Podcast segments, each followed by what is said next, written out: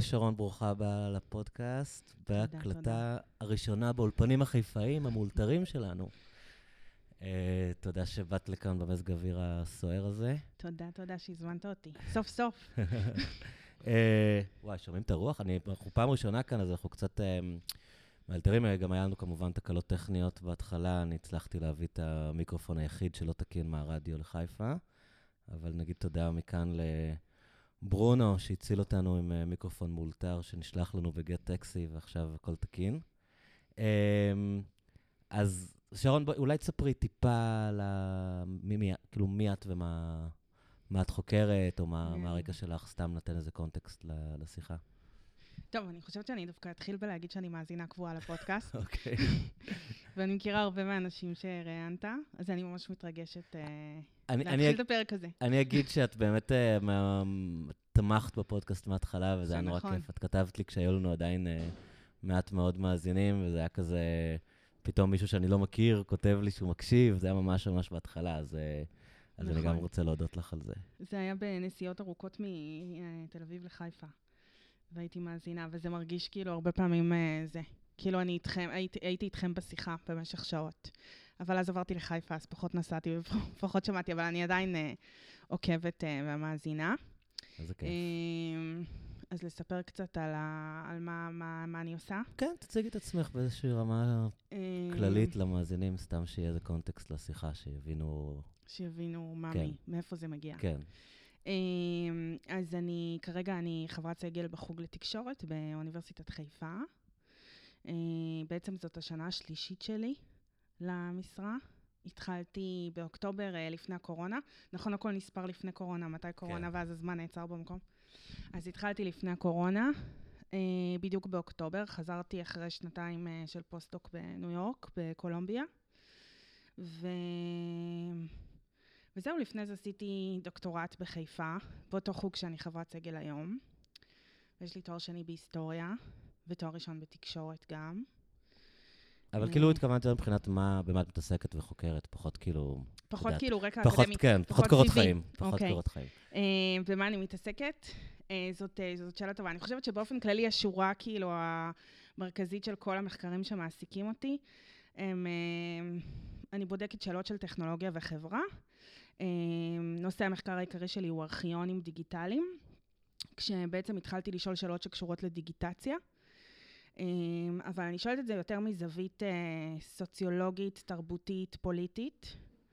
אה, כשבעצם הטענה, אפשר להגיד שזאת הטענה של רוב הדברים שאני בודקת, היא שדיגיטציה, זאת אומרת, המעבר הזה ממה שאנחנו קוראים לו אנלוגי לדיגיטלי, זאת לא רק אה, פעולה טכנית או של מכונה, פעולה מאוחנת, אלא זה בעיקר פעולה חברתית, תרבותית ופוליטית. אוקיי, okay, שזה מין כזה...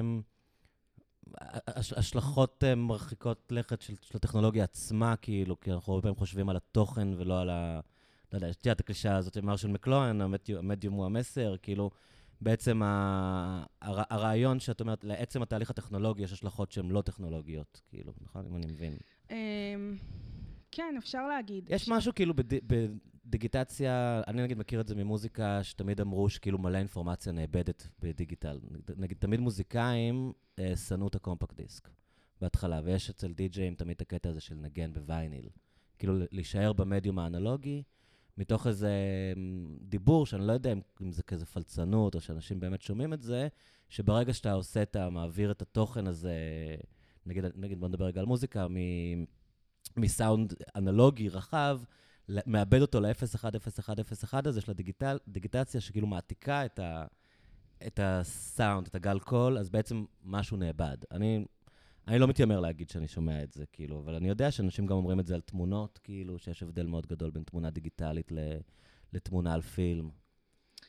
כן, האמת היא שזאת אנלוגיה טובה, לא חשבתי עליה אף פעם במובן הזה, כי כן נקודת המוצא היא שזה שכל פעם שאנחנו עושים איזושהי המרה, איזשהו מעבר כזה, אנחנו כל הזמן מאבדים משהו. זאת כן נקודת המוצא לגבי הכל. זה כאילו קצת הפוך, כי בדיגיטציה תמיד חשבנו כמה הרווחנו, ואף פעם לא חשבנו כמה הפסדנו. כי תמיד אנחנו חושבים, וואו, אנחנו הצלחנו להרחיב את הטכנולוגיה. אם חושבים על טקסט, אז אפשר להגדיל אותו, אפשר לחפש בתוכו, אפשר לעשות כל כך הרבה דברים עם הדיגיטציה. אז אף פעם לא באמת חשבנו, אוקיי, אז מה הלך לאיבוד? אז מה, מה הלך לאיבוד? קודם כל, כאילו, הכל הולך לאיבוד כל הזמן. אוקיי. לא, לא רק בהמרה, נכון? דברים הולכים לאיבוד כל הזמן. פשוט עכשיו אנחנו נמצאים במין תקופה כזאת שאנחנו מפוצצים במידע. יש סביבנו כל כך הרבה מידע, אז יש לנו גם כל כך הרבה, יש יותר מה שילך לאיבוד, נכון? בגלל שאנחנו מייצרים יותר מידע, אז יש יותר גם מה שילך לאיבוד. אני חושבת ש... אני חושבת ש... שספציפית, בהקשר של שימור, כי אנחנו פשוט, בואו נשאל מה אנחנו שומרים, ולא נשאל מה, מה הולך לאיבוד. כי בעצם שימור זאת פעולה אקטיבית. אנחנו צריך, Mhm. צריכים להחליט שאנחנו רוצים לשמור משהו. אנחנו כן. לא יכולים פשוט להניח שזה יישמר. Um, וזה בעצם הרעיון של ארכיונים, כי מאז ומתמיד אנחנו חשבנו, אוקיי, שאלה הכי בסיסית, מה היינו רוצים לשמור שיישאר אחרינו? לדורות הבאים, למי שאחרי זה יקבל את המידע הזה, איזה זיכרון היינו רוצים להשאיר אחרינו, למה בכלל צריך לשמור דברים, מה המטרה בכלל ש, ש, שיהיה ארכיון, מה אנחנו עושים עם כל המידע הזה. ואז בתוך זה, אתה יודע, מאז ומתמיד היו שאלות של האם לשמור או לא לשמור. כאילו, אנשים תמיד רצו לשרוף אחריהם דברים, לא רצו שיגלו אה, כן. דברים אחרים, נכון? עד היום, כאילו, תחשוב על כל ההתכתבויות שיש לך. היית רוצה שאם חס וחלילה קורה משהו היום. מוזר ממש. מישהו יפתח את כל הוואטסאפים שלך, פייסבוק. והתמונות? כאילו, כן. וכאילו האימיילים, וכאילו מה, מישהו יקבל את כל המידע ואף הזה? אחד לא שואל אותנו, נכון? נגיד, אני מכיר את זה ב... באינסטגרם יש את ה stories, נכון? שב stories, כאילו, אתה... 24 שעות זה נמחק. לכאורה. זהו, ואז פתאום אני רואה שהוא מציע לי, פתאום כל התמונות שלך מאיזה טיול מלפני עשר שנים, אני לא אמרתי לך לשמור את זה. את יודעת, כאילו, אני חשבתי שזה נמחק וזה לא נמחק, ב stories נגיד. נכון, אבל, כאילו- אבל זה, זה כאילו הצד השני של הדברים, בגלל שמצד אחד, יש את כל השאלות שאני מתעסקת בהן, של מה יישאר ומה אנחנו שומרים ומה נעשה עם, כל, עם העומס מידע הזה ומה בסופו של דבר אנחנו נוכל להשאיר אחרינו. והצד השני זה שיש המון חברות שלמטרות כלכליות שומרות הכל, כן. נכון? אז זה קצת אנחנו שואלים לאן העברנו את המנדט הזה של השימור, כאילו איפה הוא נמצא. כי אם נגיד אה, הספרייה הלאומית קיבלה את המנדט שהיא זאת שאחראית לשמר תרבות ומורשת של אה, ארץ ישראל, נגיד, אוקיי? זה, זו המטרה שלה. אז עכשיו, בגלל שהם לא מסוגלים לשמור הכל, ויש כל כך הרבה מידע שהולך לאיבוד, אז אנחנו אומרים, אוקיי, אז איפה הוא נשמר, ולאיזה מטרות הוא נשמר? וכשהסטורי שלך נשמר, הוא לא נשמר למטרות של תרבות ומורשת, ושיהיה מה שיהיה לדורות הבאים, הוא נשמר בגלל שיש לזה אינטרס כלכלי לשמור את זה, נכון? בגלל כן. שהם מרוויחים עוד מידע עליך שהם יכולים למכור. אז זה בעצם הצד השני של המטבע. כי מצד אחד המון מידע הולך לאיבוד, מצד שני המון מידע נשמר. זה תמיד ממש מבלבל את הסטודנטים, בגלל שחצי שיעור, אה, קורס, כאילו בחצי סמסטר הראשון, אנחנו מדברים על כל המידע שהולך לאיבוד, ואז בחצי סמסטר השני אני אומרת להם שהם חייבים לשמור על עצמם, והם לא יכולים לפרסם, לפרסם כל דבר ברשת, והם כל הזמן אומרים, אבל דיברנו על כל המידע שהולך לאיבוד. אז איך זה אומר, כאילו... אבל העניין זה, רגע, לפני שאנחנו מדברים, אני יודע שאת כאילו מתעסקת גם באמת אה, לא... חוקרת דברים שהם לא מידע אישי, רק כאילו שעיתונאות וחדשות ו, ודברים שאולי יכולים להיות משמעותיים להיסטוריונים, ו, ועולות כאן כל מיני שאלות יותר גדולות של אמ, בעתיד, כאילו, איך נספר את הסיפורים ההיסטוריים לפי הארכיונים האלה, שהם הם כנראה ישפיעו, וזה נושאים מאוד מעניינים. אבל לפני זה, כאילו, ברמה האישית, יש כאילו... העניין הזה של התיעוד הוא, הוא משונה. כאילו, פייסבוק כותבים לי מדי פעם, זיכרון שלך מלפני תשע שנים. אני רואה איזה משהו מטומטם שכתבתי, הייתי שמח לשכוח אותו, את יודעת. וכאילו, אני לא ביקשתי כאילו לשמור את הזיכרון הזה, share your memory, וזה כזה, אני ממש לא בן אדם שמעניין אותו, מעולם לא כתבתי יומן. אין לי שום עניין כאילו שהם יזכירו לי את, ה, את הדברים האלה. יש משהו שכאילו שאני לא, לא אוהב ב... אני, ת, תראי, לי נגיד אין אף תמונה שלי, אני חושב, אה, מהתיכון בערך, עד אה, שהתחיל הפייסבוק. כאילו, אם אני מחפש עכשיו תמונה שלי מהתקופה שהייתי סטודנט, אין לי אפילו תמונה אחת. בכלל לא ברשת. בשום מקום, אין לי, אני מעולם לא? הצטלמתי, אולי היה איזה יום לא הולדת של נסעת מישהו לאיזה שצילמו אותי. טיול אחרי צבא, משהו? ואם לא, אף פעם לא, לא הייתי טס עם מצלמה אף פעם, כאילו. וזה זה מטורף, כאילו, איך אני... החיים שלנו מתועדים, כאילו, זה איפשהו מה ש... כאילו, בלי, בלי ששאלו אותנו, זה הפך להיות שהחיים שלנו הם מתועדים כל הזמן. נכון. וזה קצת מבלבל, בגלל, ש... בגלל שמצד אחד, כאילו, התמונה שהעלית בפייסבוק, התמונה הראשונה שהעלית בפייסבוק, זו תמונה שאתה בחרת להעלות, וזה לא אומר שהיית רוצה להיזכר בה כמה שנים קדימה או לשמור אותה לנצח. כאילו, זה שהעלית משהו ברגע אחד, לא אומר שהייתי רוצה שזה יישאר כאן ל-20 שנה קדימה. אמ, וזה נכון, הם קצת קיבלו, הם קצת קיבלו את בדיוק, הם, עכשיו הם אחראים על. הם לא רק אחראים על התמונות שלנו, הם באמת אחראים על הזיכרונות שלנו. גם זה נהיה קטע, בגלל שאני לא יודעת, כאילו באייפון, הוא פתאום עושה, פתאום שולח לי תמונות כאלה, כאילו סתם memories uh, כאלה, וזה לא קשור אפילו ליום ולשנה, נכון? זה פשוט סתם תמונה, כאילו מלפני שלושה חודשים. ואתה אומר, כאילו, למה? מה, מה עבר לו בראש, למה נכון? הם עושים את זה? זה פשוט רנדומלי, הם סתם בוחרים כל מיני תמונות.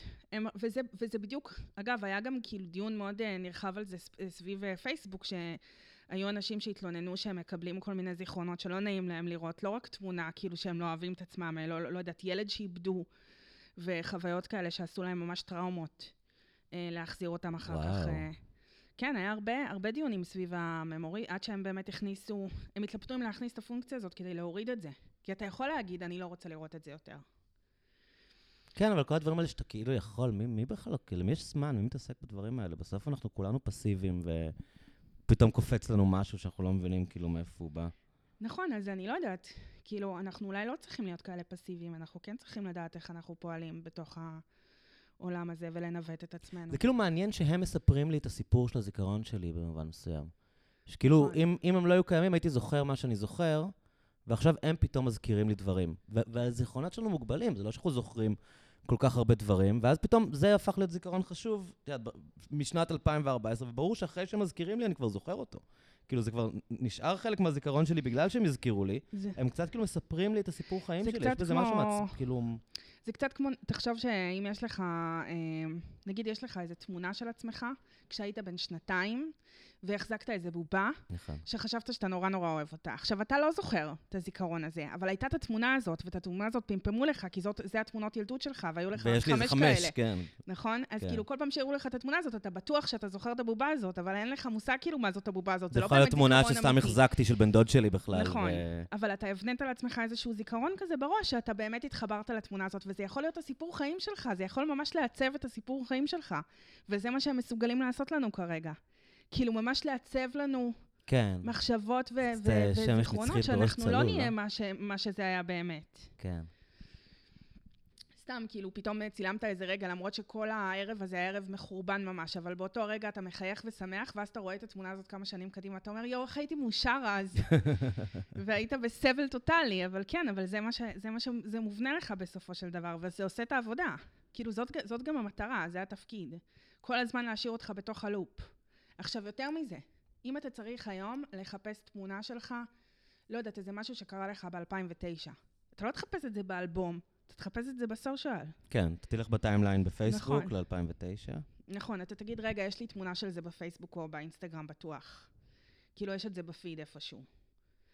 אז כן, אז אתה כבר, כאילו, נתנו לזה. אז מצד אחד אנחנו פסיביים, מצד שני אנחנו גם אפשרנו את זה, כי אנחנו לא יצרנו לעצמנו את האלבומים שלנו. אנחנו גם החלפנו מיליון טלפונים בדרך. ועברנו מאנדרואיד, כאילו, בעטנו באייפון, כעסנו, חזרנו לאייפון אחר כך עוד פעם, כאילו, בין לבין זה נמחק מלא פעמים. זה, זה מוזר, העניין הזה שכאילו, יש לנו כל כך הרבה תיעוד, ועדיין, אה, את יודעת, נגיד אני, כשאני מחליף טלפון, אז אני נורא מפחד, כאילו, יש כאן צילומים של האחיינים שלי כשהם היו קטנים, וכאילו, fuck, את יודעת, כמות התיעוד של הילדים האלה, כאילו, אצל הסבתות שלהם, אצל אחותי, כאילו, לי אין כלום מהות, מה זה משנה? עוד איזה סרטון שיש לי, את יודעת, על הטלפון, אבל כאילו איפשהו יש איזה משהו, כאילו, מה אתה מתכוון? יש איזה פחד כזה של אני אאבד את זה, כאילו... גם יש לנו את הפחד של לאבד אה, סרטון, בגלל שגם אם יש 200 אלף סרטונים, הסרטון הספציפי הזה, היינו שם, צילמנו אותו, יש לנו, נקשרנו אליו, הוא כאילו משמעותי לנו, הראינו אותו אחר כך לאנשים, כאילו לאבד אותו ספציפית, וזה כבר, אתה יודע, אבל זה כבר דיונים אחרים לגמרי, אבל זה מתקשר בדיוק לדיונים האלה שאנשים היום נמצאים בהופעות והם ישר מרימים את הטלפון, וכל האימג'ים שיש לנו מהופעות זה אנשים מצלמים, נכון? כן. וכאילו זה האורות, מה שהיה פעם המצית. כן. נכון, היינו מדליקים מצית. כן, כן, אז המראים אפילו אומרים, אני רוצה שכולם עכשיו יעירו נכון. את הטלפונים שלהם, ואז יש תמונה כזאת, כן. אז זה קצת קשור לזה שכאילו החוויות שלנו, כבר העברנו אותן, כאילו באופן אוטומטי כבר העברנו אותן לסושיאל, כאילו הם חלק בלתי נפרד מאיתנו כבר. כאילו החוויה היא מה שצילמנו. היא לא מה שהיינו. ובגלל זה ממש קשה כאילו להיפרד כן. מהצילום עצמו. זיכרון זה דבר, כאילו, את יודעת, יש את כזה, זה גם, זה כזה שיחות קלישאתיות, אבל כזה, את, את נוסעת לחו"ל בשביל לצבור את הזיכרונות, נכון? יש כזה את הדבר שתמיד שואלים, אם עכשיו הייתי נגיד נותן לך אה, חופשה מושלמת לשבועיים, הכי טובה בחיים, ואת תחזרי ואת לא תזכרי ממנה כלום. אז לא יודע, היית נוסעת? זה כאילו, אני כזה, אני שואל. אני לא יודעת, אני קצת כן. מרגישה כאילו יש לי זיכרון כזה מ- מטיול אה, אה, לפני הדיגיטל. ו- ו- וכזה טיול כזה, אתה יודע, של טרקים וזה, וכאילו מגיעים למעלה להר, וכאילו אין לי כוח להוציא את המצלמה, וכאילו המשפט הקבוע שלי היה כאילו, מצלם בלב. ואני ממש זוכרת את זה, כאילו, כן, יש. לא, אבל אני מתכוון אם לא היית זוכרת כלום, לא אם לא היית יכולה לצלם. אם פשוט היו מוחקים לך את הזיכרון מהחופשה הזאת. היית רוצה לנסוע לחופשה? אם היית חוזרת ממנה בלי שום חוויה. אני מניחה שכן. כאילו, אני רוצה, אני אגיד לך למה. כי אני, אני, אני משקרת במה שאני אומרת עכשיו, אבל תזרום איתי, בסדר? זה הבן אדם שאני רוצה להיות, אוקיי? בואו נזרום עם הבן אדם שאני רוצה להיות. אני רוצה להיות הבן אדם הזה, שממש חי ומבין שכל מה שיש לנו זה עכשיו. כאילו, מה שיהיה אחר כך זה מה שיהיה אחר כך, ומה שהיה לפני זה מה שהיה לפני, והדבר היחיד שמשנה זה מה שקורה פה ברגע הזה שאנחנו יושבים פה בסלון ומקליטים. עכשיו, למה אני אשקר? בגלל שברור שבראש שלי אני כל הזמן חושבת על מה יהיה, ומה יהיה, ומה יהיה, ומה יהיה כשזה. כשזה יצא הפודקאסט, וישמעו אותי מדברת את כל הדברים האלה, וכמה שטויות אמרתי, ואיך אני אשנא את איך שאני נשמעת, נכון?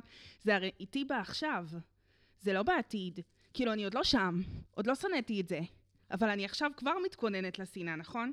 אז כאילו, אני כבר עכשיו בתוך הרגע של הפחד ממה יהיה. אז כן, הייתי רוצה לצאת לחופשה שבה אני לא אזכור שום דבר, כי הייתי רוצה להיות הבן אדם הזה שנמצא כאן ועכשיו כל הזמן. כן, הייתי רוצה לחיות ככה. אולי לא כל הזמן, אבל לפחות במין מודעות כזאת. כן. כאילו מיינדפולנס, שכאילו החיים הם מה כן, זה שקורה באמת עכשיו. מין רעיון בודהיסטי כזה, ש... שהוא מאוד פופולרי עכשיו, נראה לי בגלל זה, לא? כאילו, זאת אומרת, אם, אם את חושבת למה, למה רעיונות בודהיסטיים כל כך תופסים עכשיו, זה, ואנשים כל כך באמת, את יודעת, the power of now, ובאמת מה שאת אומרת על המיינדפולנס, זה איפשהו מרגיש כאילו אולי שבאמת אנחנו חיים בתקופה שיש קצת עומס, כאילו הע- העומס נהיה הרבה יותר גדול מפעם. העומס של ה... לא יודע. של. הגירויים. ו- וגם, כן, כאילו, יש איזה overload על המוח, כאילו, פשוט מפוצצים כל כך הרבה מידע וכל כך הרבה מחשבות על העתיד, והמציאות כל כך נכון. מורכבת, כאילו. אני חושבת אמ, שכאילו, כש, כשרק התחלתי כאילו את העבודה על זיכרון, כאילו, שאלות על עתיד, שאלות על עתיד עבר והווה, אז אני זוכרת שכל הזמן חשבתי על, אה, על הסרט בחזרה לעתיד. עכשיו, בחזרה לעתיד כבר היה מזמן, נכון?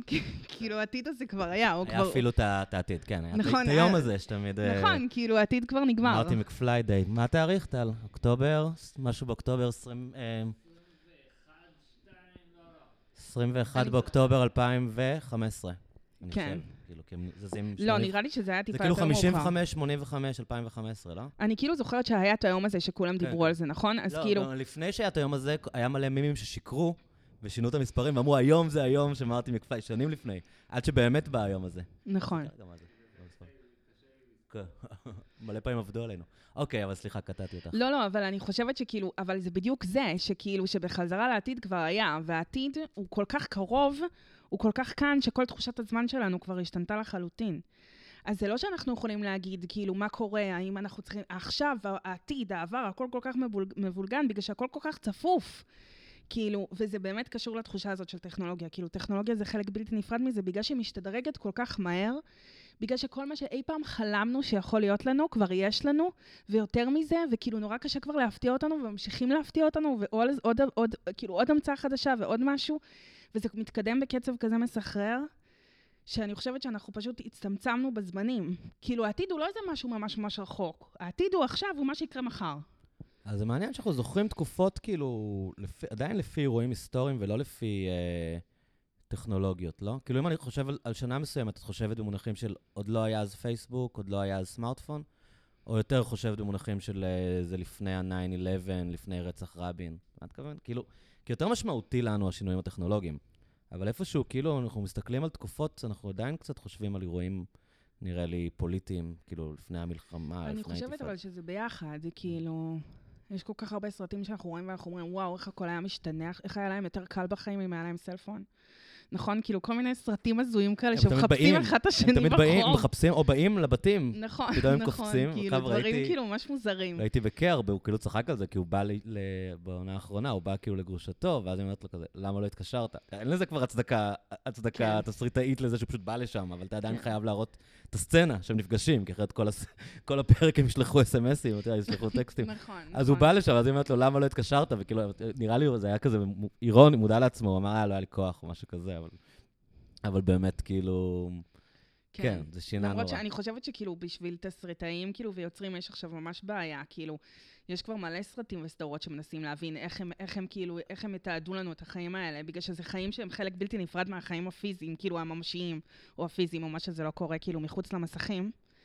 אז כאילו, נכון, לפעמים יש כל מיני סדרות כאלה שמראים לך את הטקסטים בצד, כן, וכאילו... שכתובים בגדול על המסך. הם נכון, מתכתבים, כאילו- אתה רואה אותו מתכתב וכתוב לך את הטקסט בגדול. נכון, נכון. כן. בבית הקלפים הם התחילו עם זה, נכון. שהם כאילו התחילו להראות לנו כל מיני טקסטים. נכון. שזה פשוט מצטלם ממש רע, וזה גורם לי לחשוב ש... בשרלוק, אתה לא אומר, אה, נכון. נכון, נכון. כן, נכון. כן, אוקיי. לא, אבל אני כאילו אומרת, אם זה מצטלם ממש רע, אז אולי זה גם ממש רע. כאילו, אולי זה באמת ממש רע, אולי החיים שאנחנו מנהלים בהתכתבויות, אולי זה משעמם כמו שזה נראה על המסך. אולי אבל זה זה לא רק מוזר מצטלם רע. שהסדרות כאילו מתרחקות מה- מהמציאות, כאילו אם יש איזה משהו מאוד מהותי במציאות שהן לא מעבירות לנו, כאילו. כאילו זה, זה, נכון. יש בזה משהו משונה קצת. נכון, באמת, אבל- כאילו הם באים אחד לשני הביתה כל הזמן בסדרות כדי, כשהם רוצים להגיד משהו. נכון. הוא רוצה להגיד משהו למישהו, הוא בא אליו, זה קצת מוזר. כאילו. נכון, לא, כי הוא רוצה להגיד את זה כן. גם פנים אל מול פנים, יש כן. את האפקט הדרמטי הזה. אבל אולי גם איבדנו איזה משהו דרמטי במציאות שלנו, כשאנחנו נמצאים בהתכתבויות כל הזמן. כאילו, משהו כן. בתקשורת שלנו הלך לאיבוד. זה מה שאני אומרת, זה לא רק מצטלם רע, זה באמת רע. כאילו, זה ממש משעמם לשבת שעות ולהתכתב כמו איזה מעפן עם הידיים, כאילו, עם האצבעות. מה זה הדבר הזה? כאילו, דבר, תוציא מילים מהפה שלך. לא, אבל זה עדיין עדיף על הודעות קוליות. לא? בעיניי יודעת. הודעות קוליות זה השטן. זה כמו פודקאסט. הודעות קוליות. כאילו, לפעמים אני משאירה הודעות קוליות ולא נעים לי, אני לא שמה לב וכבר עברו 15 דקות ואני מדברת, מדברת, חופרת, כאילו, על מה שאני חושבת ומרגישה, זה פודקאסט, כן. זה נורא תובעני כלפי הבן אדם שאתה שולח לו את זה פשוט. כאילו, הוא צריך לעצור הכל כן. עכשיו, כן, ולהקשיב זה- לך. זה זה הורס את כל ה flow של היום. כן. יש את הפונקציה של uh, voice to text, שאני לא מבין למה אף אחד לא משתמש בה. כי הרבה אנשים שהם כי. בעברית ב- זה ממש מפגר. לא, זה עובד מעולה. כן? כן, זה עובד ממש טוב. פשוט מדבר והוא מעתיק את זה לטקסט, כאילו. באופן כללי, כל מה שקשור לזה בישראל פחות תפס, כאילו, את ה... גם סירי וזה, כאילו, אמריקאים משתמשים בזה המון. אני חושב שהקטע בטכנולוגיות כאלה שהן הן לא טובות בהתחלה, ואז בראש לאנשים הן נשארות גרועות, והם לא יודעים שזה כבר בסדר. כמו נגיד להתקשר בוואטסאפ, שפעם זה הדבר הכי חרא בעולם, ואנשים כאילו לא היו מתקשרים אחד לשני לוואטסאפ, או אם היו מתקשרים בטעות, הם ישר מנתקים. עדיין מנתקים זה בטוח ומתקשרים טעות, בטלפון הרגיל. כאילו, כן. היום הוואטסאפ נשמע ממש טוב, הטלפון שלו. נכון. אבל כאילו בראש שלנו זה עדיין חרא, כי נכון. כי כשזה התחיל זה לא היה טוב. נכון, כאילו. נכון, יש דברים שהם נשארו, ובישראל זה נשאר לנו שכאילו הם לא מזהים אותנו בגלל ה- העברית. העברית. אבל הם כן. אני אספר אבל לך הם כן. כן. זה מצחיק בגלל שהייתי באיזה כנס, כאילו זה היה לפני איזה חמש שנים, והם דיברו על אה, כנס כזה ל-Human Machine Communication, ומישהי נתנה דוגמה ממחקר של... אה, שהם עשו, אה, כאילו, על איך אנשים מתקשרים עם הגוגל הום. מה זה גוגל הום? זה כמו סירי כזה, זה כאילו נראה כמו אייפד, ששמים אותו בבית. כמו אלכסה. כן, זה ממש אלקסה של גוגל. Mhm. וכאילו נראה כמו אייפד כזה, וממש אלקסה.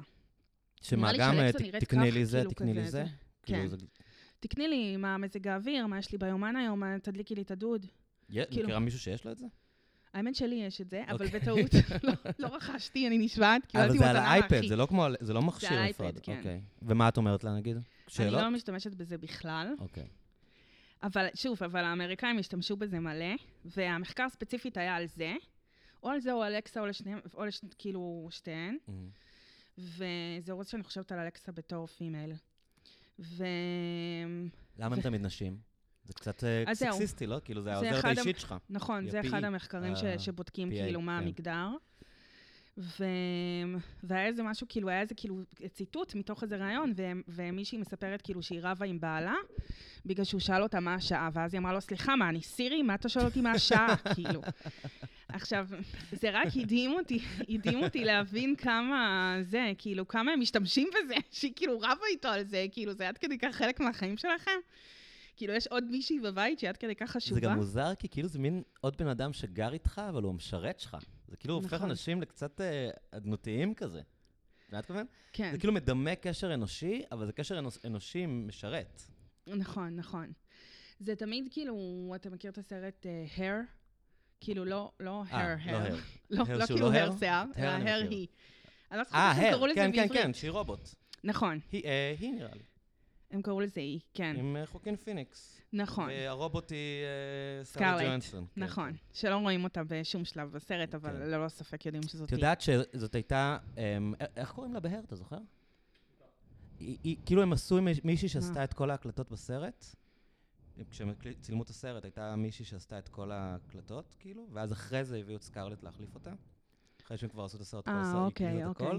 ואז כמחווה, קוראים לדמות על שם השחקנית שהיא זאת שהוא מדבר איתה, כאילו, אבל די, לא משנה. קוראים לדמות. סמנטה. סמנטה. אז הייתה סמנטה, מישהו שקוראים לה סמנטה, היא זאת. שהקריאה את הכל, ואז אה, הביאו את ה star power של סקארלט ג'ואנסון כדי למכור יותר כרטיסים. מסכנה סמנטה. אבל אוקיי, אז רגע, מה התחלת להגיד על הסרט? לא, סתם, אז כאילו, זה באמת, זה, זה ממש דומה לזה, בגלל שזה סוג של Mm. מערכת יחסים אנושית שמתפתחת הרי. אגב, קוראים לה סמנטה כי באיזשהו שלב הוא אומר לה, רציתי לדעת איך קוראים לך, ואז היא אומרת לו, אוקיי, ואז היא כזה חושבת רגע, ואז היא אומרת, קוראים לי סמנטה. ואז הוא אומר לה, מה, סתם זכרת שם? אז היא אומרת לו, כן, אני עברתי עכשיו על 1,300 שמות. וכאילו, והכל, ובחרתי לעצמי את השם שצלצל נשמע לי הכי נחמד, וקראתי לעצמי סמנטה. לסירי ואלכסה יש שמות אה, כאילו שהם לא באמת שמות כדי שהמכשיר לא יתבלבל, נכון? כדי שאם את נגיד יקראו לה, whatever, קרן, אז כאילו כשאת פונה לקרן אז היא לא, היא לא תתבלבל, אז יש לה שם ייחודי, כאילו סירי, כאילו אף אחד לא קוראים סירי, נכון, נכון? גם אלכסה. נכון, נכון, כי אז זה לא כאילו כן, סירי לא- כל לא- קרן. זה היה קטע כזה עם סאות' פארק, נכון, טל? שהם אה, החליטו להטריל את כולם, כאילו, הם, פשוט אמרו אלכסה כל הפרק, ואז זה פעל אצל כולם בבית. אה, כן, טל. רוצה להגיד. אתה רוצה מיקרופון? אבל קח מיקרופון. רגע. יצא שלשום פרק בסאוט פארק, ה post covid special אה, השני, וכל העניין שם זה שיש למישהו אה, מערכת יחסים שלמה עם אה, אלכסה בעתיד, והיא מופיעה, והיא כמו חברה שלו, והם רבים כל הזמן, ואז בסוף כל ריב, אה, do you want to hear about, uh, ואז היא מתחילה להוציא לו כל מיני דברים, ואם הוא לא מסכים, אז היא מתחילה לקלל אותו על זה שהוא שותה יותר מדי, ואז זה כבר, הם ציירו את המערכת יחסים של אלכסה כממש זוגיות לא מתפקדת. וזה זה כל מה שדיברתם, וזה בדיוק היה פארק. כן. אז הקטע והיא הזה... נראית כמו אלכסה. כאילו, יש לה image של אלכסה. אנחנו נראה את זה. בהחלט special post אז קורונה, מה, מה אנחנו זה לא באמת נפספס. העניין הזה שזה כאילו מדמה לנו, את יודעת, זה גם עניין כאילו של בדידות, זה עניין של כאילו לדמות אה, קשר אנושי, הדברים האלה, לדעתך, כאילו. אז זהו, אז אני חושבת שכאילו זה הכיוון שזה, שזה אמור ללכת אליו. אה, אני לא יודעת עד כמה זה תופס בעיניי, זה לא כל כך תופס. שוב, בטח לא בישראל, אבל זה נורא מפתיע אותי כל פעם שאמריקאים משתמשים בשירותים האלה המון. אה, אני מניחה שגם, אה, שגם בריטים, אבל אמריקאים, באמריקה זה ממש ממש חזק. אה, של כאילו, של, של כל העוזרות האלה, עוזרים, עוזרות. כן, זה גורם לכל לוזר להרגיש כאילו יש לו מזכירה. את כאילו איזה משהו זה כזה. פשוט נראה לי כאילו לא כזה פונקציונלי ברמה הזאת, אבל זה הזכיר לי את זה שאמרת כאילו בהודעות ש, שזה עובד טוב. כאילו זה פשוט נראה לי מוזר לדבר ל- לטלפון. אבל נגיד, זה לא מרגיש לי מוזר לדבר לטלפון בהודעות קוליות. אני עושה את זה, אני כן. עושה את זה, אז אני לא יודעת, כי בהודעות קוליות לא, אני את כאילו... מדברת לבן אדם בסוף. נכון, אני מדברת לבן אדם. זה פשוט, וזה באמת כאילו מעבר ללשאול מה, מה מזג האוויר, אז אני מעדיפה פשוט לבדוק מה מזג האוויר. כן. כאילו, מאשר לשאול. אני או מה קורה ביומן? פשוט תפתח את היומן, כאילו.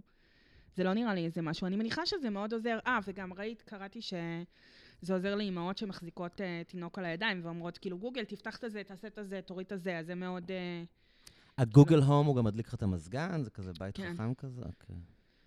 כן, אה, טוב, אבל בוא- בואי נדבר רגע על המחקרים שלך, כי אנחנו צריכים- צריכים להגיע לזה מתישהו. יאללה. אז אני יודע שאת כאילו בדקת, אה, הת- התעניינת כאילו באמת בהקשר של עיתונות, כאילו, בארכיונים, נכון? נכון. אז ספרי לי טיפה מה מה ניסית לבדוק ומה מה גילית. וואה, מה ניסיתי לבדוק ומה גיליתי.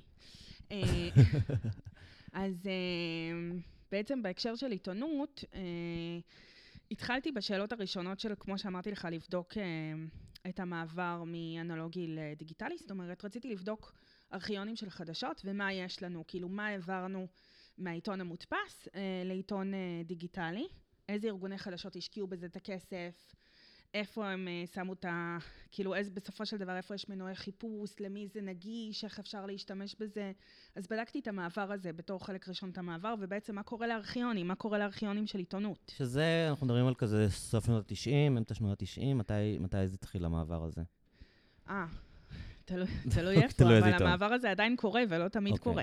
שזה גם מפתיע. כאילו, יש המון המון מקומות שזה לא קרה בהם, בכלל. מהמם. כי תחשוב, יש המון אה, עיתונים, כאילו היו לפחות, אה, בשנות ה-90 ושנות ה-80. כאילו, כן. הרבה הרבה לוקל ניוז בארצות הברית.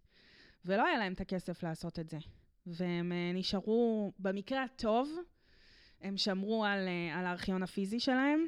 במקרה הפחות טוב, הם הזניחו את זה, הם זרקו את זה, זה נשרף להם, גנבו את זה, או שהם תרמו את זה לספרייה המקומית. מהמם. זה באמת המקרה ה... כאילו, רוב המק... זה באמת רוב המקרים. כאילו, צריך לזכור, לא כל העיתונים הם הוושינגטון פוסט והניו יורק טיימס. יש מלא עיתונים מקומיים, עיתון נכון. של כל מיני ערים קטנות, נכון. שגם אצלנו בארץ יש את זה, אבל קצת, ממש. מקומונים. כן. Mm. והיה. אני לא יודעת, כאילו, אצלי בראשון היה גל גפן, מה זה גל גפן? העיתון כזה שהיה מגיע בזה. קראו לו גל גפן? גל גפן. אני מניחה שהוא מגיע? עד היום, בראשון. אוקיי. למה- איפה- מה היה אצלכם? אתה לא זוכר עיתון מקומי היה, שהגיע לך? גרתי בתל אביב, היה עיר. היה נכון, איזה נכון, תל אביב, היה עיר, נכון, אביב, היו כן. דברים, מקום- בסדר, תל כן. אביב זה לא נחשב, אבל כן. כן, כאילו מסביב, היה, היה, היה.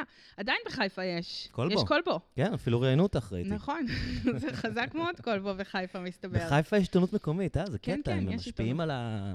הם משפיעים על הפוליטיקה יש, אה, המקומית, זה כן, מאוד לוקל שוקק פטריוטיזם פה. מאוד מאוד חזק בחיפה, ללא ספק. זה נכון מאוד. מעניין, מעניין למה כאילו לחיפה יש כזאת, אה, את יודעת, מין, לא יודע מה, תרבות מקומית, פוליטיקה מקומית, הם- יש להם את- העולם שלהם. כזה. נכון, נכון. תל אביב הם תמיד מרגישים שכאילו, זה הם ישראל. מרכז העולם, כן. כאילו, נגיד, אה, הארץ הוא מזמן מקומון תל אביבי בהרבה מובנים. נכון. כאילו, היה איזה, נכון. היה האמת היה לפני כמה זמן נכון. צחקו עליהם, שהיה איזה כתבה כזאת, אמ, נוסעים לירושלים, הנה, הנה מסעדות מומלצות, וכזה, אתם עיתון ארצי. יש גם אנשים שגרים בירושלים וקוראים אתכם. כאילו, ההנחה הזאת שכל הקוראים כן. שלהם הם תל אביבים. נכון, למ- נכון, אה, זאת הנחה, אבל הרבה קוראים שלהם זה מחוץ לתל כן. אביב. אה, אבל כן, אני חושבת שהם די, אה, חלק מההגדרה העצמית שלהם זה, זה תל אביב. כן, בחיפה יש, אה, יש הוואי של אה, חיפה. תראה, אפילו למדתי להגיד חיפה ולא חיפה. יש חיפאים שאומרים חיפה. כן? לא. נראה לי. אני ממש פשוט, ההורים שלי. חיפה, ההורים שלי חיפאים והם אומרים חיפה, אז כאילו גדלתי כשאני אומר חיפה. גדלת שאתה אומר חיפה? אני כן. כאילו, מישהו, תיקנו אותי בהתחלה שאמרתי מוריה. אמרו לי... מוריה. כן, אבל זה נראה לי גם תקופות, זה כמו בתל אביב שהם אומרים, את יודעת, קינג ג'ורג', ואבא שלי עדיין אומר קינג ג'ורג', כאילו, יכול להיות כן? שזה משהו שהשתנה עם ה... לא יודעת. נראה לי שחיפאים אומרים חיפה. אוקיי, אז רגע, את בדקת, אני אז אחזיר אותנו, בדקתי כן. בתור התחלה את, ה, את המעבר מאנלוגי לדיגיטלי.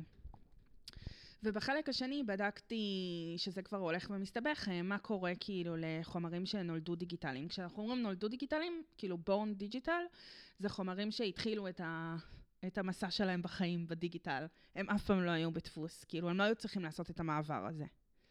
אה, ואז נכנסתי לחור שחור של להבין שדברים כאילו הולכים לאיבוד כל הזמן. Uh, באופן כללי, תוכן באינטרנט הולך לאיבוד כל הזמן. אנחנו בהרגשה שברגע שזה עלה, זה שם טיל אינפיניטי, כאילו. נכון, זאת השיחה שעשינו בהתחלה, נכון? כן. אמרנו, כאילו, כן. יואו, מה נעשה עם כל התמונות? למה העלינו את זה? למה זה? מה נעשה? זה יחזור אלינו, זה נראה את זה, זה, נכון? צריך לשים כן. לב, אנחנו כן פסיביים, אנחנו לא. ואז פתאום uh, גיליתי, אולי אפילו, אני נזהרת במה שאני אומרת, אבל אולי אפילו הדברים החשובים נעלמים. תני לי כאילו. דוגמה, נגיד, לדברים שנעלמים. נגיד, אה, זה מה שאני עובדת עליו עכשיו, לבדוק, אה, תחשוב על ה home page. אוקיי? אז ה home page, מה זה ה home page? זה עמוד השער שאתה נכנס איתו לעיתון, לאפליקציה, או לעמוד אה, ב desktop, נכון? או ל web, אתה רואה אה, את הכותרת ל browser. הראשית ואת ההפניות, כאילו... נכון, אז תחשוב, זה בא בתבנית. כן. יש לך את הכותרת הראשית, תחשוב כאילו בהשוואה לעיתון, כן? תסתכל על ה-page 1 של היום שבו יצאו מווייטנאם, אוקיי? יש כותרת ענקית, יש תמונה גדולה, ברור לך שזה הדבר הכי חשוב שקרה היום, כן. או בכלל לא השבוע, או השער השנה. של, אה, זה תמיד אומרים, זה נכון. השער של... אה, של אדם ירה, אה, נחת מהיום בירח. שהכריזו על המדינה. נכון, אוקיי. נכון. זה, זה אובייקט היסטורי, זה כן. פריט חשוב, אנחנו מלמדים איתו היסטוריה. כן. ומה יש לנו בדיגיטל? אז יש לנו את ה home page הזה, נכון? אז מה זה ה home page הזה? זה טמפלט. הם מכניסים לשם, מורידים, מכניסים, מורידים. עכשיו, אם עכשיו אתה תחפש ב- בארץ את היום שפרץ שומר חומות, אתה לא תמצא את העמוד הזה. Hmm. אתה תמצא את הכתבה כיחידה בודדת. כאילו, אתה תראה את הכתבה אולי, וגם את הכתבה, הכתבות עוברות שינויים ואבולוציה, שתמיד, לפעמים אתה מקבל, אם תוציא את זה עכשיו, ותחפש את זה, אתה תקבל את הגרסה הסופית שלה. נכון. אתה לא תראה את האבולוציה של איך התחיל אגב, הסיפור. בניו יורק טיימס הם כן משתדלים לכתוב למטה, הכתבה הזאת נערכה בתאריך זה וזה. כאילו, יש להם איזושהי אתיקה כזאת, יש להם. עם הצעירים. לא, גם בארץ, אם הם עושים שינויים, הם כותבים שהם עושים שינויים, אבל אין ב- לך את המקור. Mm. כאילו, זה שכתוב לך שזה עודכן, זה אז לא כאילו, עוזר אם לך. אתה, נגיד, כהיסטוריון, רוצה עכשיו לחזור לאיזשהו אירוע ולנסות להבין, אז אתה לא באמת יכול לדעת, אתה יכול לקרוא את הכתבה, אבל אתה לא יודע איך אנשים חוו אותה. מה הם קיבלו את זה בהום פייג' כשהם נכנסו לראות נכון. ביום שטראמפ נכון. נבחר. לא יודע, מה הייתה הכותרת הראשית? זה די מדהים, לא? כן. הרעיון לשאלה הזאת של ההום פייג' התחיל עם אה, תיק 4000 של ביבי. מהמם. כי במהלך המשפט הם מבינים שזה בעצם, אה, תזכורת, זה מדובר על אה, סיקור אוהד בוואלה, למשפחת נתניהו, תמורת כן. טובות הנאה. ובמהלך המשפט הם מבינים פתאום שכאילו יש להם את הכתבות, אז הם יכולים לראות שזה סיקור אוהד, אבל אין להם איפה הכתבות היו. נכון. ואז אם הכתבות נשתלו ב home page למטה באיזה מקום שאתה צריך to scroll all the way down, נכון? לרדת, לרדת, לרדת למטה בשביל לראות את זה, לעומת כתבות שהופיעו לך בפנים, כן. בכותרת, והרבה במשך מה- חמש שעות. הרבה מהדיונים שם זה כמה זמן זה היה שם, נכון? נכון. אומרים כאילו, עשינו כתבה על שרה, אבל היא הייתה שם רק חצי שעה. ואז נכון. מתקשרים אליהם, למה הורדתם את הכתבה? כאילו, יש שם נכון. הרבה התעסקות בכלל כמה זמן כל דבר הופיע אבל אין ב home להם page. הוכחות. מהמם. כאילו, הם לא יכולים לדעת את זה, גדל. בגלל שאין להם את התיעוד של ה home page. כן. ואז כשאנחנו פתאום חושבים על זה, אז uh, לפחות אני מנסה לקרוא לזה uh, במחקר context. עכשיו, תזרום איתי רגע. כן. context זה דבר נזיל. ל context יש, הוא משתנה כל הזמן. כאילו context בשיח זה מה שאני אומרת עכשיו, ומה שאני אגיד לפני זה, ומה שאני אגיד אחרי זה. נכון? context זה משהו כזה פלואידי כל הזמן. ו- ו- ואני מנסה לחשוב על ה home page בתור context טמפורלי וויזואלי. כי הוא גם מלמד אותנו כאילו מה הדבר שהוא הכי חשוב עכשיו, וזה אפילו יותר חשוב בדיגיטל מהדפוס, Mhm. למרות שגם בדפוס אמרו את זה, כן? גם בדפוס היו אומרים, אנשים לא קוראים את הכתבה, הם מסתכלים על כותרות, נכון? אבל בדיגיטל יש לנו היום את מה שאנחנו קוראים לו check-in cycle.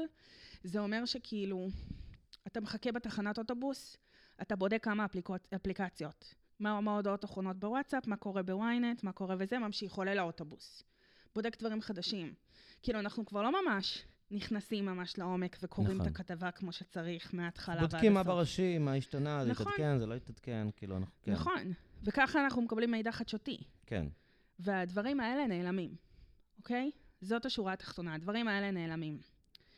אז uh, אני ספציפית מדברת על ההום פייג', על push notification, שזה ממש uh, עזר חדשותי מאוד, מאוד חזק uh, לארגוני חדשות.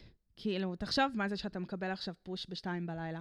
כן, זה צריך להיות משהו חשוב. כאילו, מישהו צריך להגיד לך, בוא, כאילו, תחשוב, זה עוקף הכל, מגיע לך למסך, כאילו, אם לא שמת את הטלפון על השתק, אתה תקבל את זה, יעיר אותך. כאילו, זה חתיכת דבר, זה ממש אמצעי חזק להשתמש בו. תנסה לחשוב על השיחות שיש בחדר חדשות שאומרים, נשלח את זה עכשיו או לא נשלח את זה עכשיו. כאילו, ההחלטה וזה של גם לא כמה זה מתועד? חשוב. אם את עכשיו רוצה לדעת מה נשלח? רק אין. אם יש לך גישה לשרתים? גם לא, לא. גם לא. עכשיו, נחזור אה, למחקר כן. שכאילו, הוא בארצות הברית בגדול, לא בגדול, הוא בארצות הברית. ואני מראיינת שם ארגוני חדשות כדי לנסות להבין מה הם שומרים. ואני לאט לאט מבינה שהם לא שומרים כלום כמעט. כאילו, א', הם, אין להם כסף לזה, אין להם מחשבה כזאת, גם למה בכלל שישמרו? כאילו, מה אכפת להם? מה, מה הם פרסמו אתמול? כן.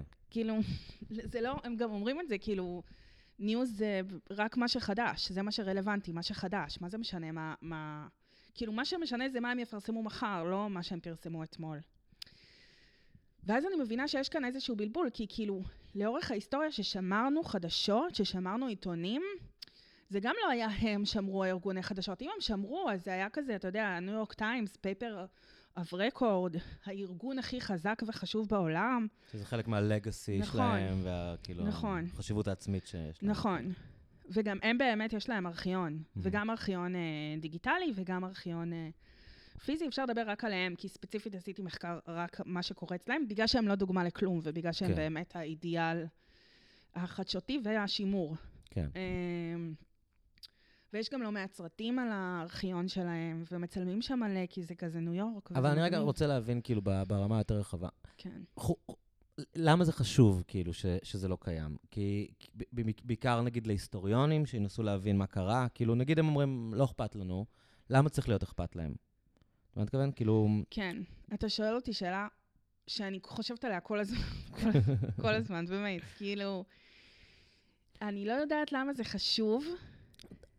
את רק כאילו יודעת שהסיפור שאנחנו מספרים לעצמנו, כאילו יהיה לנו קשה להבין מה היה בעצם, יש לנו בעיה של תיעוד, כי אנחנו... כי אנחנו שוב צריכים לקפוץ רגע לעתיד, מהמם. אז בואו נבקר שם רגע, אוקיי. ונחזור רגע אחורה מהעתיד, למה שקורה עכשיו. ואם אנחנו לא נצליח להוציא את מה שהיה, אז מה נספר לעצמנו? כאילו, אנחנו נוכל להבנות סוג של סיפור שהוא שונה ממה שבאמת היה, אבל מצד שני, אנחנו תמיד מש, מספרים סיפור שהוא שונה ממה שבאמת היה, אז אני לא יודעת עד כמה זה הבדל. אז אולי, אני סתם זורקת את זה עכשיו, אני לא בטוחה, כי אני כן. כל הזמן מנסה להבין עם עצמי. כאילו, יכול להיות שזה לא חשוב בכלל, לא צריך לשמור את זה. כאילו, אפילו, יותר מזה, יש כל כך הרבה מידע באינטרנט, למה זה אמור להיות חשוב? כאילו, מה זה, להפך, מזל שזה נמחק. כאילו, למה צריך לשמור את כל המידע הזה? אבל עדיין, כאילו, קשה לי לוותר על המחשבה הזאת, בגלל שאתה יודע, עשרות שנים של מחקר של עיתונות לימדו אותנו שמה שהופיע על הקאבר היה הדבר הכי חשוב. הוא היה agenda setting, הוא קבע את המדיניות הציבורית, הפוליטית. כאילו, הוא עיצב שיח. הוא גרם להם, הוא יצר את מה שאנשים מדברים עליו, הוא יצר את מה שאנשים יודעים עליו. מחקרים ששאל, שהראו לנו, שכתבו על מלחמת וייטנאם, אבל בעמודים הפנימיים, ולא הראו לנו ש... נכון. מחקרים שמראים לנו שכתבו באמריקה על מה שקורה בשואה, בעמודים האחוריים. כתבו, קוראים דברים וזה וזה, אבל לא הראו לנו את זה לפנים. נכון? אנחנו למדנו מהדברים האלה המון. אז כאילו קצת קשה לוותר על הדברים האלה עכשיו. ומצד שני, אולי, אני לא יודעת, כאילו השאלה הזאת של למה זה חשוב, אולי זה לא חשוב, אולי אנחנו נמצאים באיזה mindset של print, שהעברנו, לקחנו אותו איתנו לדיגיטל, ואנחנו צריכים ללמוד משהו חדש, או לאמץ פרקטיקות חדשות. זה, זה, זה כן מעניין להבין, כאילו, אה, איך, איך נרטיבים יתפתחו ויישמרו, כאילו. כי באמת, אה, ברגע שאין לך דרך לבדוק את זה, אז השאלה מה, איך כן, כאילו, יקבע- יקבע- ייקבע הנרטיב. איך כן אנשים, כאילו, יחזרו לעבר וינסו לנתח וללמוד מה היה ברגע שאין להם, את יודעת, מידע כזה חשוב. א- יש להם קצת מידע, נג- נגיד יש להם את הכתבות, נכון? אין להם כן. אולי את ה... איפה הם הופיעו. ושוב, ואני רוצה רגע לחזור לעידן שלפני דיגיטל, ולהחליט כאילו מה היינו רוצים אה, לשמור אחרינו, נכון? אז גם אנחנו החלטנו מה נשמור ומה לא. כאילו, אנחנו אף פעם לא נבנה נרטיב מדויק. כאילו, העתיד אף פעם לא ישחזר ב-100% את העבר. אתה יכול לבוא ולהגיד לי, זה יהיה יותר נתון למניפולציות, אתה יכול לבוא ולהגיד לי, אפשר יהיה לעשות שינויים יותר, אה, נכון? כאילו, אפשר יהיה לעשות, אה, להבנות אה, עתיד, כאילו, לחשוב על העבר בצורה אחרת, אבל תמיד בחרנו מה אנחנו רוצים לשמור. העניין הוא שאני חושבת שהשאלות האלה מעסיקות אותי בגלל שאנחנו חיים באיזושהי אשליה כזאת, ש... שהכל נמצא פשוט ושהוא זמין לנו, ושזה יהיה שם, ואנחנו לפעמים כאילו מתעוררים ומבינים, אה, אוקיי, אז זה לא. זה לא באמת נשאר שם. ו- וכמה זה כאילו, את מתעסקת במחשבה של, את יודעת, בסוף זה תאגידים פרטיים שמנהלים את כל הדבר הזה, באמת, נגיד בניגוד לספרייה הלאומית. כאילו, אנחנו מאוד מתבססים על המנועים של גוגל, של פייסבוק, על חברות כאלה, כאילו, ש... ש... קודם כל, זה הרבה מזה זה בכלל מכונה עושה, זה כזה, הרבה פעמים זה בכלל לא בן אדם מפעיל את השיקול דעת, והמכונה הזאת היא מובנית לפי אינטרסים, את יודעת, אינטרסים מסחריים, היא לא, אין, אין שם איזשהו... יודעת, מי- מי, מי היום הסוכן שאחראי על התיעוד? כי זו קצת השיחה שלנו מקודם על ה memories, הרי איזה memory הוא מעלה לי? הוא לא מעלה לי memory שחשוב לי, הוא מעלה לי memory שקיבל הרבה לייקים, או memory, את יודעת. כאילו... הוא גם גורם לך לחשוב שזה שקיבל הרבה לייקים זה גם מה שהיה חשוב לך. כן, זה סתם איזה... כן? לא, זה סתם הבדיחה שהכי הצחיקה כן. אנשים באותו יום, והרבה פעמים היא לא עומדת במבחן הזמן והיא לא מצחיקה בכלל. את יודעת, ויכול להיות דברים שמאוד היא חשובים ממש- לי שלא היא מופיעים. ממש כאילו הרסנית להעלות אותה כן. עכשיו מחדש, נכון? נכון? זה מה שהעיתונאים על טוויטר אמרו לי, כאילו. בדיחה שהייתה מצחיקה, כאילו, לפני שנתיים, היום זה אסון אם מישהו ימצא אותה, כאילו, אסור שאף אחד יראה את זה. כן. זה גם קשור, כאילו, להתקדמות של התרבות והעתיד. כאילו, התר... התרבות שלנו מתפתחת כל כך מהר, שדברים, כאילו, שאמרנו לפני שנתיים, באמת, היום הם יכולים להיות נוראים. כאילו, אפשר לפטר אותך על דבר... כן. דברים שהיו מצחיקים לפני כן. שנתיים. כן. אז כן, אז גם, אז גם, לא יודעת איך נזכרתי בזה פתאום, אבל כן, אבל גם בהקשר הזה, הסוכן של הזיכרון, מי מחזיק את הזיכרון הזה. כן. וזה נכון, אני חושבת שזאת הפרטה. כאילו, פעם אנחנו החלטנו מה יישמר אחרינו, אחר כך העברנו את זה להם, עכשיו הם מחליטים גם מה להזכיר לנו, הם גם מבנים לנו את הזיכרון של עצמנו, על מה שאנחנו זוכרים. ונכון, אבל שוב, אבל זה, זה ההבדל, כי, כי זה שפייסבוק אה, שומרים את התמונות שלנו, אבל הם לא שומרים, אבל אף אחד לא שומר את ההום פייג'. אתה מבין? אין בלנס בתוך כן. הסיפור הזה. כאילו, הם שומרים את הסרטון מיוטיוב, לא יודעת מה, שרקדנו שיכורים על השולחן, אבל אף אחד לא שומר את היום שפרץ מבצע שומר חומות, וכאילו הודיעו לי, לאנשים להיכנס למקלטים, כאילו, זאת היסטוריה, כן. כאילו, זה חשוב, וזה לא נמצא בשום מקום. את חשבת פעם איך זה משפיע על, אה, על הדור שגדל, שכל החיים שלו מתועדים? כאילו, זה, זה מוזר. את יודעת, יש, אה, תחשבי על, אה, באמת, על האחיינית שלי, כאילו, האחיינים שלי, מהרגע שהם נולדו, כל החיים שלהם מתועדים, כאילו, בצורה מטורפת. כאילו, כל מה שאנחנו מדברים על אה, זיכרון, שאתה מנסה להיזכר בדברים, יש לנו, חושבים על זיכרונות ילדות שלנו, את יודעת, ואתה מדבר עם חבר, זה היה ככה, זה לא היה ככה, זה לא... אני הרבה פעמים, את יודעת, סיפרתי כמה פעמים, ראיתי חייזר, כאילו, עם החברים שלי, פעם, באיזה ערב, אחרי איזה מסיבת יום הולדת של אחד הילדים מהכיתה. ו- וכולם זוכרים שזה קרה, אוקיי? כאילו, אני חד משמעית לא דמיינתי את זה, אבל לכל אחד יש זיכרון שונה לגמרי של מה ראינו. את יודעת, אני מניח שכולנו הושפענו מסרטים שראינו, או לא יודע, את יודעת, דברים נבנים לנו בראש, אבל לאף אחד לא היה מצלמה, כאילו, לצלם את, ה... לצלם את הדבר הזה שראינו. ראיתם חייזר ממש? ראיתי, לא, UFO, לא ראיתי בחור שדיבר איתי עם עיניים ואף. ראינו משהו מטורף בשמיים, ראינו מין חללית, לא יודע מה ראינו. אבל באמת כל אחד זוכר משהו אחר לגמרי, כאילו, ואני כבר לא יודע כמה מה אני אנשים זוכר. הייתם? לא, זה חד משמעית, יש שם איזה 15 איש וכולם זוכרים את הערב הזה. וכולם זוכרים את זה? כן, כן. זה, זה משהו שקרה. כאילו, ראינו משהו מוזר בשמיים, אבל אני לא רוצה אפילו לספר לך מה ראיתי, כי, כי אנשים שונים באמת, כאילו, דיברתי עם חברים שלי, והם כל אחד כאילו זוכר משהו אחר. גדול. כן, אבל זה, אבל זה מעניין, כי כאילו ל... לדור היום אין את זה, הם כאילו הם בן אדם מסוג אחר. כאילו אם ה... האבולוציה שלנו התפתחה באופן מסוים, שדברים מסוימים אנחנו שוכחים, ואולי זה טוב שאנחנו שוכחים, יש דברים שאנחנו לא צריכים לזכור, אולי עדיף לי לא לדעת כאילו כמה מכוער הייתי בגיל 14, את יודעת, כאילו זה... כאילו המוח שלי, המוח שלנו התפתח לסדר לעצמנו דברים מסוימים, להדחיק זיכרונות נכון. מסוימים. נכון. והיום כאילו אנשים פשוט זוכרים, את יודעת, גם אם לא זוכרים, כמו שאמרת, התמונה הזאת עם הבובה שדיברת עליה, יש להם את כל החיים שלהם. כאילו. יש uh, ספר שיצא כבר ממש מזמן, uh, נראה לי באיזה 2014, קוראים לו Delete uh, the Virtue of Forgetting, משהו כזה. Um, והוא מתחיל עם, עם סיפור, יש כאילו איזושהי מחלה כזאת, אני לא זוכרת איך קוראים לה, אבל זאת המחלה של אנ- אה, אנשים שלא מסוגלים לשכוח. שמעתם על מחלה כזאת? כאילו, יש איזה... יש, אה, יש סיפור, יש סיפור של בורחס. אני חושב, על איש כזה. פרק בהאוס, אוקיי. כן, אוקיי. כן, אז כן, אז פשוט כזה, בדיוק. ויש לזה שם, אני לא זוכרת, אבל יש לזה שם, יש מלא רעיונות של נשים כאלה עם אופרה, כאילו דברים ממש. מגניבים, כן? והם עושים להם טריקים כאלה, אומרים, תגידי, מה אכלת ארוחת צהריים ב-1975 בשעה שתיים? והיא כזה, אה, אוקיי, אכלתי, לא כן, יודעת. וזה אמיתי? כן, כן, זו תופעה. ו- ו- וכאילו יש איזה 30 אנשים כאלה בעולם, וחקרו אותם ובדקו אותם וזה, ו- ורואים שהם... אה, שהם ממש אה, כאילו, הם עם המון המון טראומות, בגלל שכאילו הם כל הזמן משחזרים את הדברים הקשים שקרו להם בחיים, הם כל הזמן חיים את זה. וואו. כי הם לא מסוגלים לשכוח, נכון? וזה כאילו ממש יוצר קשיים, ומספרים שם על מישהי שכל הזמן מנסה להתאבד, כי היא פשוט לא יכולה, היא כל הזמן משחזרת את הדברים שקרו לה קשים, היא לא יכולה לשחרר אותם בעצם. והספר הזה אה, מתחיל בדיוק עם הסיפור הזה, בגלל שהטענה שלו אומרת שכאילו מאז שעברנו לדיגיטל, אנחנו חברה שכאילו אנחנו חיים את המחלה הזאת כל הזמן.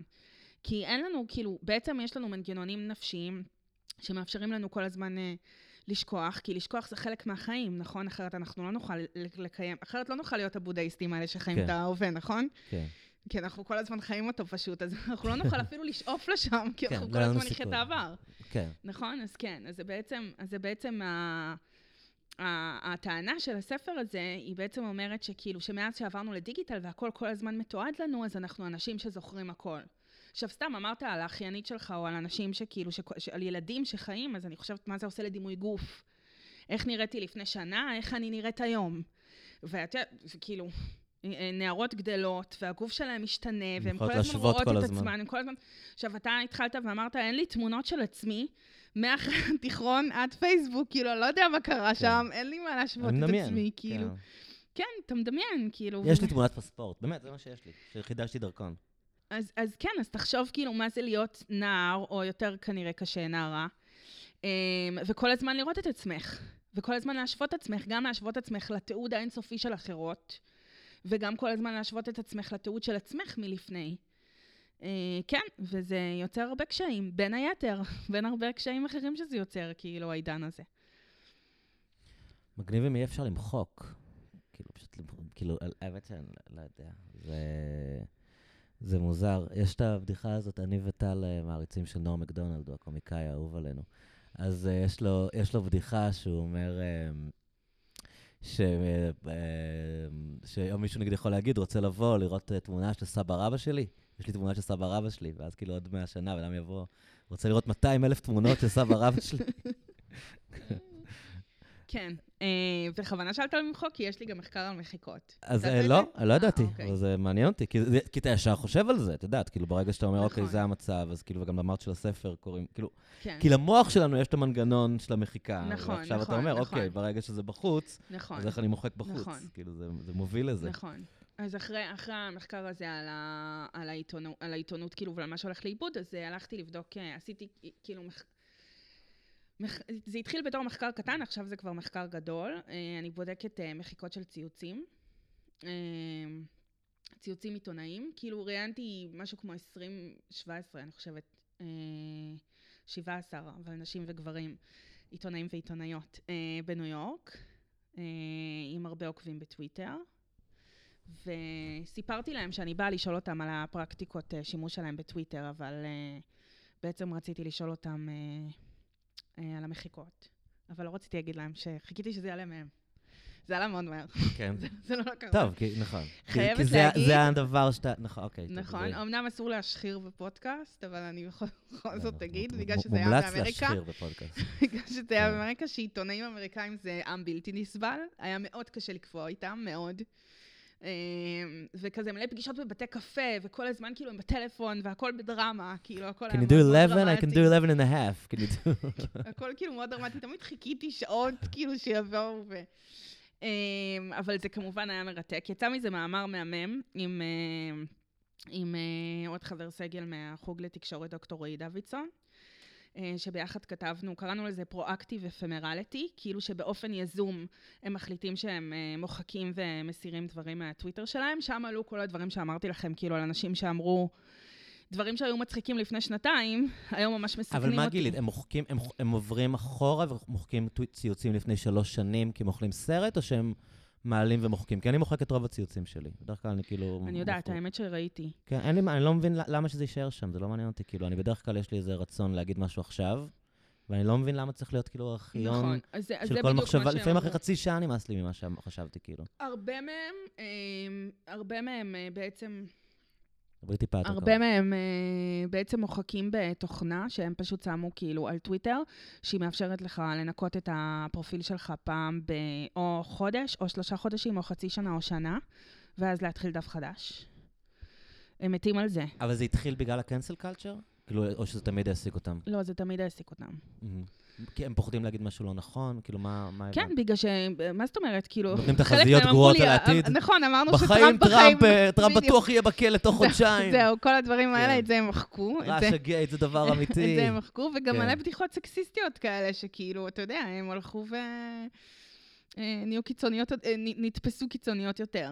אה, את אומרת, זה תמיד עלה כי אנשים הם סלף-קונצ'נס, כי הם יודעים שזה כאילו... בגלל שכאילו מישהו זה אמר... עכשיו אה, פדיחה למחוק. מישהו לא? אמר טוויטר זה קוקטייל פארטי, זה לא דומה לשום דבר אחר, זה פשוט אני כאילו, לא יודעת מה, מקיש שטויות שעולות לי בראש, אני כאילו שיכור, אני מתחיל עם בחורות, אני לא יודע מה, אני כותב סתם דברים בשביל כאילו להתחיל לעצבן אנשים, אני לא רוצה שזה יישאר כאן קדימה. אה, אז באופן משמעותי אפשר היה לראות הבדל בין נשים לגברים. אה, נשים היו הרבה יותר מודעות לעצמן, אה, והרבה יותר פוחדות, וגם קיבלו הרבה יותר... אה, כאילו הודעות פרטיות והתעללות ו trolling וזה, אז הן מוחקות הרבה יותר. באופן גורף גברים לבנים מוחקים פחות. אני אומרת באופן גורף על העיתונאים האלה, אבל מה שאנחנו עושים עכשיו, זה אנחנו באמת עוקבים במשך שנה, אחרי המון המון פרופילים, גם של עיתונאים ישראלים וגם של עיתונאים אמריקאים. ואנחנו עושים אה, בדיקה לראות אם נשים באמת מוחקות יותר, אם עיתונאים שחורים מוחקים יותר. כי מה, הם מרגישים פחות מוגנים, או שסתם יש להם מודעות יותר מפותחת? מה, מה המחשבה, שכאילו, למה, למה גבר לבן מוחק פחות? כי כאילו הרבה יגידו, אה, יש היום מחשבה שב- in this climate, מה שנקרא, אז גברים לבנים הרבה יותר צריכים לפחד, כאילו, להגיד משהו אה, לא תקין. את יודעת, אם אתה, אם אתה אה, הומו שחור, מותר לך להיות הרבה יותר כאילו פרובוקטיבי בדברים שאתה אומר. אתה נכון? אני חושבת שזה, שזאת ממש שאלה טובה, בגלל שאני חושבת שזה מנגנונים כאילו פסיכולוגיים עמוקים מאוד, מהמם. שיושבים באמת כאילו על חוסר...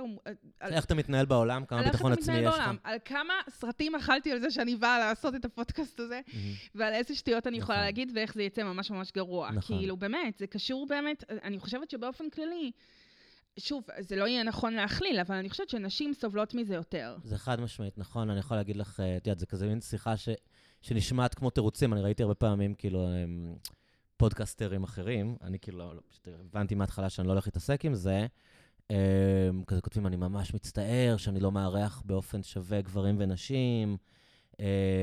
גם אני כזה, מישהי כתבה קומנט באפל, באפל פודקאסט, "אה, אריאל קלצ'קין מדבר בעיקר עם בנים, אבל מה שאת אומרת זה נכון, נשים פחות רוצות לבוא. ואני כאילו, אני לא היה לי כוח לפתוח דיונים על זה בסושיאל, אבל אם כאילו את מדברת על זה, באמת הרבה הרבה יותר קל להביא גבר לדבר על כל דבר, כאילו, וגם, יאללה, באים, עם נשים זה בדרך כלל, רגע, אז על מה מדברים?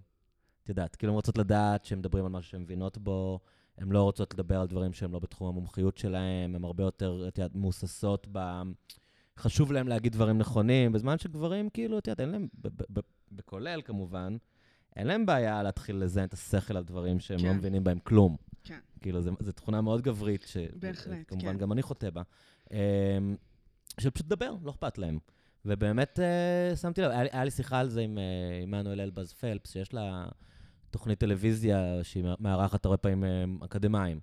והיא אומרת שכאילו, כשהיא מדברת עם נשים מלא פעמים, זה כזה, אה, אבל זה לא בדיוק התחום שלי. את יודעת, היא מחפשת מומחית, נגיד היא רוצה לדבר על הודו, היא רוצה לדבר על פוליטיקה בהודו, אבל יש מישהי שהיא מומחית לחברה ההודית, היא אני לא מומחית לפוליטיקה, וכאילו, וגברים זה כזה, מה, את יודעת, הוא ידבר על קוריאה אם הוא מהודו, זה כן. שתיהן באסיה, לא אכפת להם, כאילו. כן, כן. אני יכולה להגיד שהיו לי כמה פעמים פניות, כאילו, מהאוניברסיטה, לדבר על כל מיני דברים, כאילו, שקשורים סתם לסושיאל, ואני כזה, טוב, אני לא ממש מבינה בזה עד הסוף, כאילו, אני יכולה לדבר על דיגיטציה בניו יורק טיימס. וכזה, לא, לא, זה לא, לא, לא במדיה הכתבה. מחפשים בן אדם שמדבר לא מהר. ואז בסוף, כאילו, הכל. גבר מתראיין במקומי, והוא כאילו הכי יותר רחוק מהתחומי מחקר האלה, וזה היה הכי לא קשור, כאילו, ובסוף אני כזה, טוב, אני יכלתי לעשות את זה, אבל בסדר. ופעם כן. אחרי הלכת? אה, ממש מעט עשיתי את זה, ו- והיו כמה פעמים שהתקדמתי כאילו לשלב התחקיר, ואז בשלב התחקיר אמרתי, תקשיבו, אני פשוט לא מבינה בזה מספיק טוב, אני לא מרגישה ביטחון כאילו לדבר על הדברים האלה. כן. אה, ואני אני, אני חושבת שכן, כאילו, אני חושבת שנשים באופן כללי יותר אה, הססניות, זה הסוציאליזציה שמעבירים אותנו, כאילו מגיל אפס מלמדים אבל אותנו. אולי הן יותר חכמות, שאנחנו- כאילו, את יודעת. את- מה זאת אומרת לא, אולי? אני ברור שהן יותר לא, אני חכמות. מתכוון, זה לא חכמות. תכונה טובה, כאילו הרבה פעמים אומרים, זה לא בסדר, גם זו שיחה שהייתה לי, כאילו, שנשים בגלל הדיכוי, אז הן נגיד פחות, אבל, אה, את יודעת, פחות רוצות לדבר על דברים שהם לא מבינים, אבל זה טוב שהן לא מדברות על דברים שהן לא מבינים בהם, וגם דברים, גברים צריכים לא לדבר על דברים שהם לא מבינים בהם. נכון. נכון, המסקנה כאילו, היא ללא לא ספק שגם גברים צריכים להיות צנועים שנשים יותר. צריכות לשאוף להיות כמו הגברים במקרה הזה. נכון, כאילו. אבל חוסר האיזון הוא כל כך גדול, כן. כאילו, אנחנו כל כך הרבה יותר הססניות וכל כך הרבה יותר חסרות ביטחון לגמרי. בדברים שאנחנו כאלה אלופות בהם, לגמרי. באמת. לא, כאילו. זה, זה באמת מה שקורה לי הרבה פעמים בפודקאסטים, שנגיד שאני רוצה לדבר עם מישהי, ואז היא אומרת לי, אבל אני לא מבינה בזה. ואני אומר, תקשיבי, את הרבה יותר מבינה מכל בן אדם אחר שאני הולך לקרוא לו לדבר על זה, כאילו. כן. אז זה זה מספיק. כן, ו- וספציפית בטלוויזיה זה בכלל מצחיק, הרי הם מביאים בן אדם לדבר שלוש דקות, הוא הולך להגיד כמה משפטים, כן. שהרבה כן. פעמים גם הבן אדם ששואל אותו יודע את השאלות, הם סתם כן. רוצים, כאילו, כחלק מהפורמט, שיבוא דוקטור. כן. ואני בטוח שהרבה מהם, כאילו, מבררים על מה מדברים, נכנסים לוויקיפדיה, או פותחים איזה ספר ובאים לאולפן מוכנים. כן, כן. אבל עדיין, אני לא יודע, גם אולי גברים יותר אוהבים, כאילו, להיות בטלוויזיה. הם פשוט מרגישים יותר בנוח להיות בציבור. זה Mm. נכון לגבי, זה, אני חשבתי על זה בדיוק אה, השבוע בהקשר למאמרים אקדמיים, כי הרי אתה יודע, זה חלק מהתפקיד שלנו לפרסם מאמרים אקדמיים, ואנחנו, וכאילו, ואנחנו רואים את ההבדלים בין כמה גברים מפרסמים וכמה נשים מפרסמות. כן, זה מובהק. אה, בוודאי, זה מובהק, זה כמ- כמובן מבני, וזה גם קשור באמת, אתה יודע, למבנה משפחתי ולגילאים שנשים אה, אה, אקדמאיות צעירות מתחילות את הקריירה שלהן. ואת כמה זה דורש בעצם עבודה אקדמית וכמה צריך... וב, ובסוף זה גם עניין של לדעת מתי לשחרר את המאמר. כאילו, ויש אנשים שמרגישים שכל דבר... אני אומרת, יש אנשים, אני...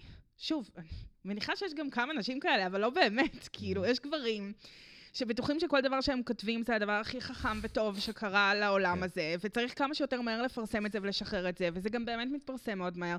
ונשים, לוקח להם זמן יותר לכתוב ולשח... ולקרוא, ועוד פעם לקרוא, ועוד פעם לערוך, ועוד פעם לקרוא, ולא להיות בטוחה, וכן להיות בטוחה, וכן לחשוב.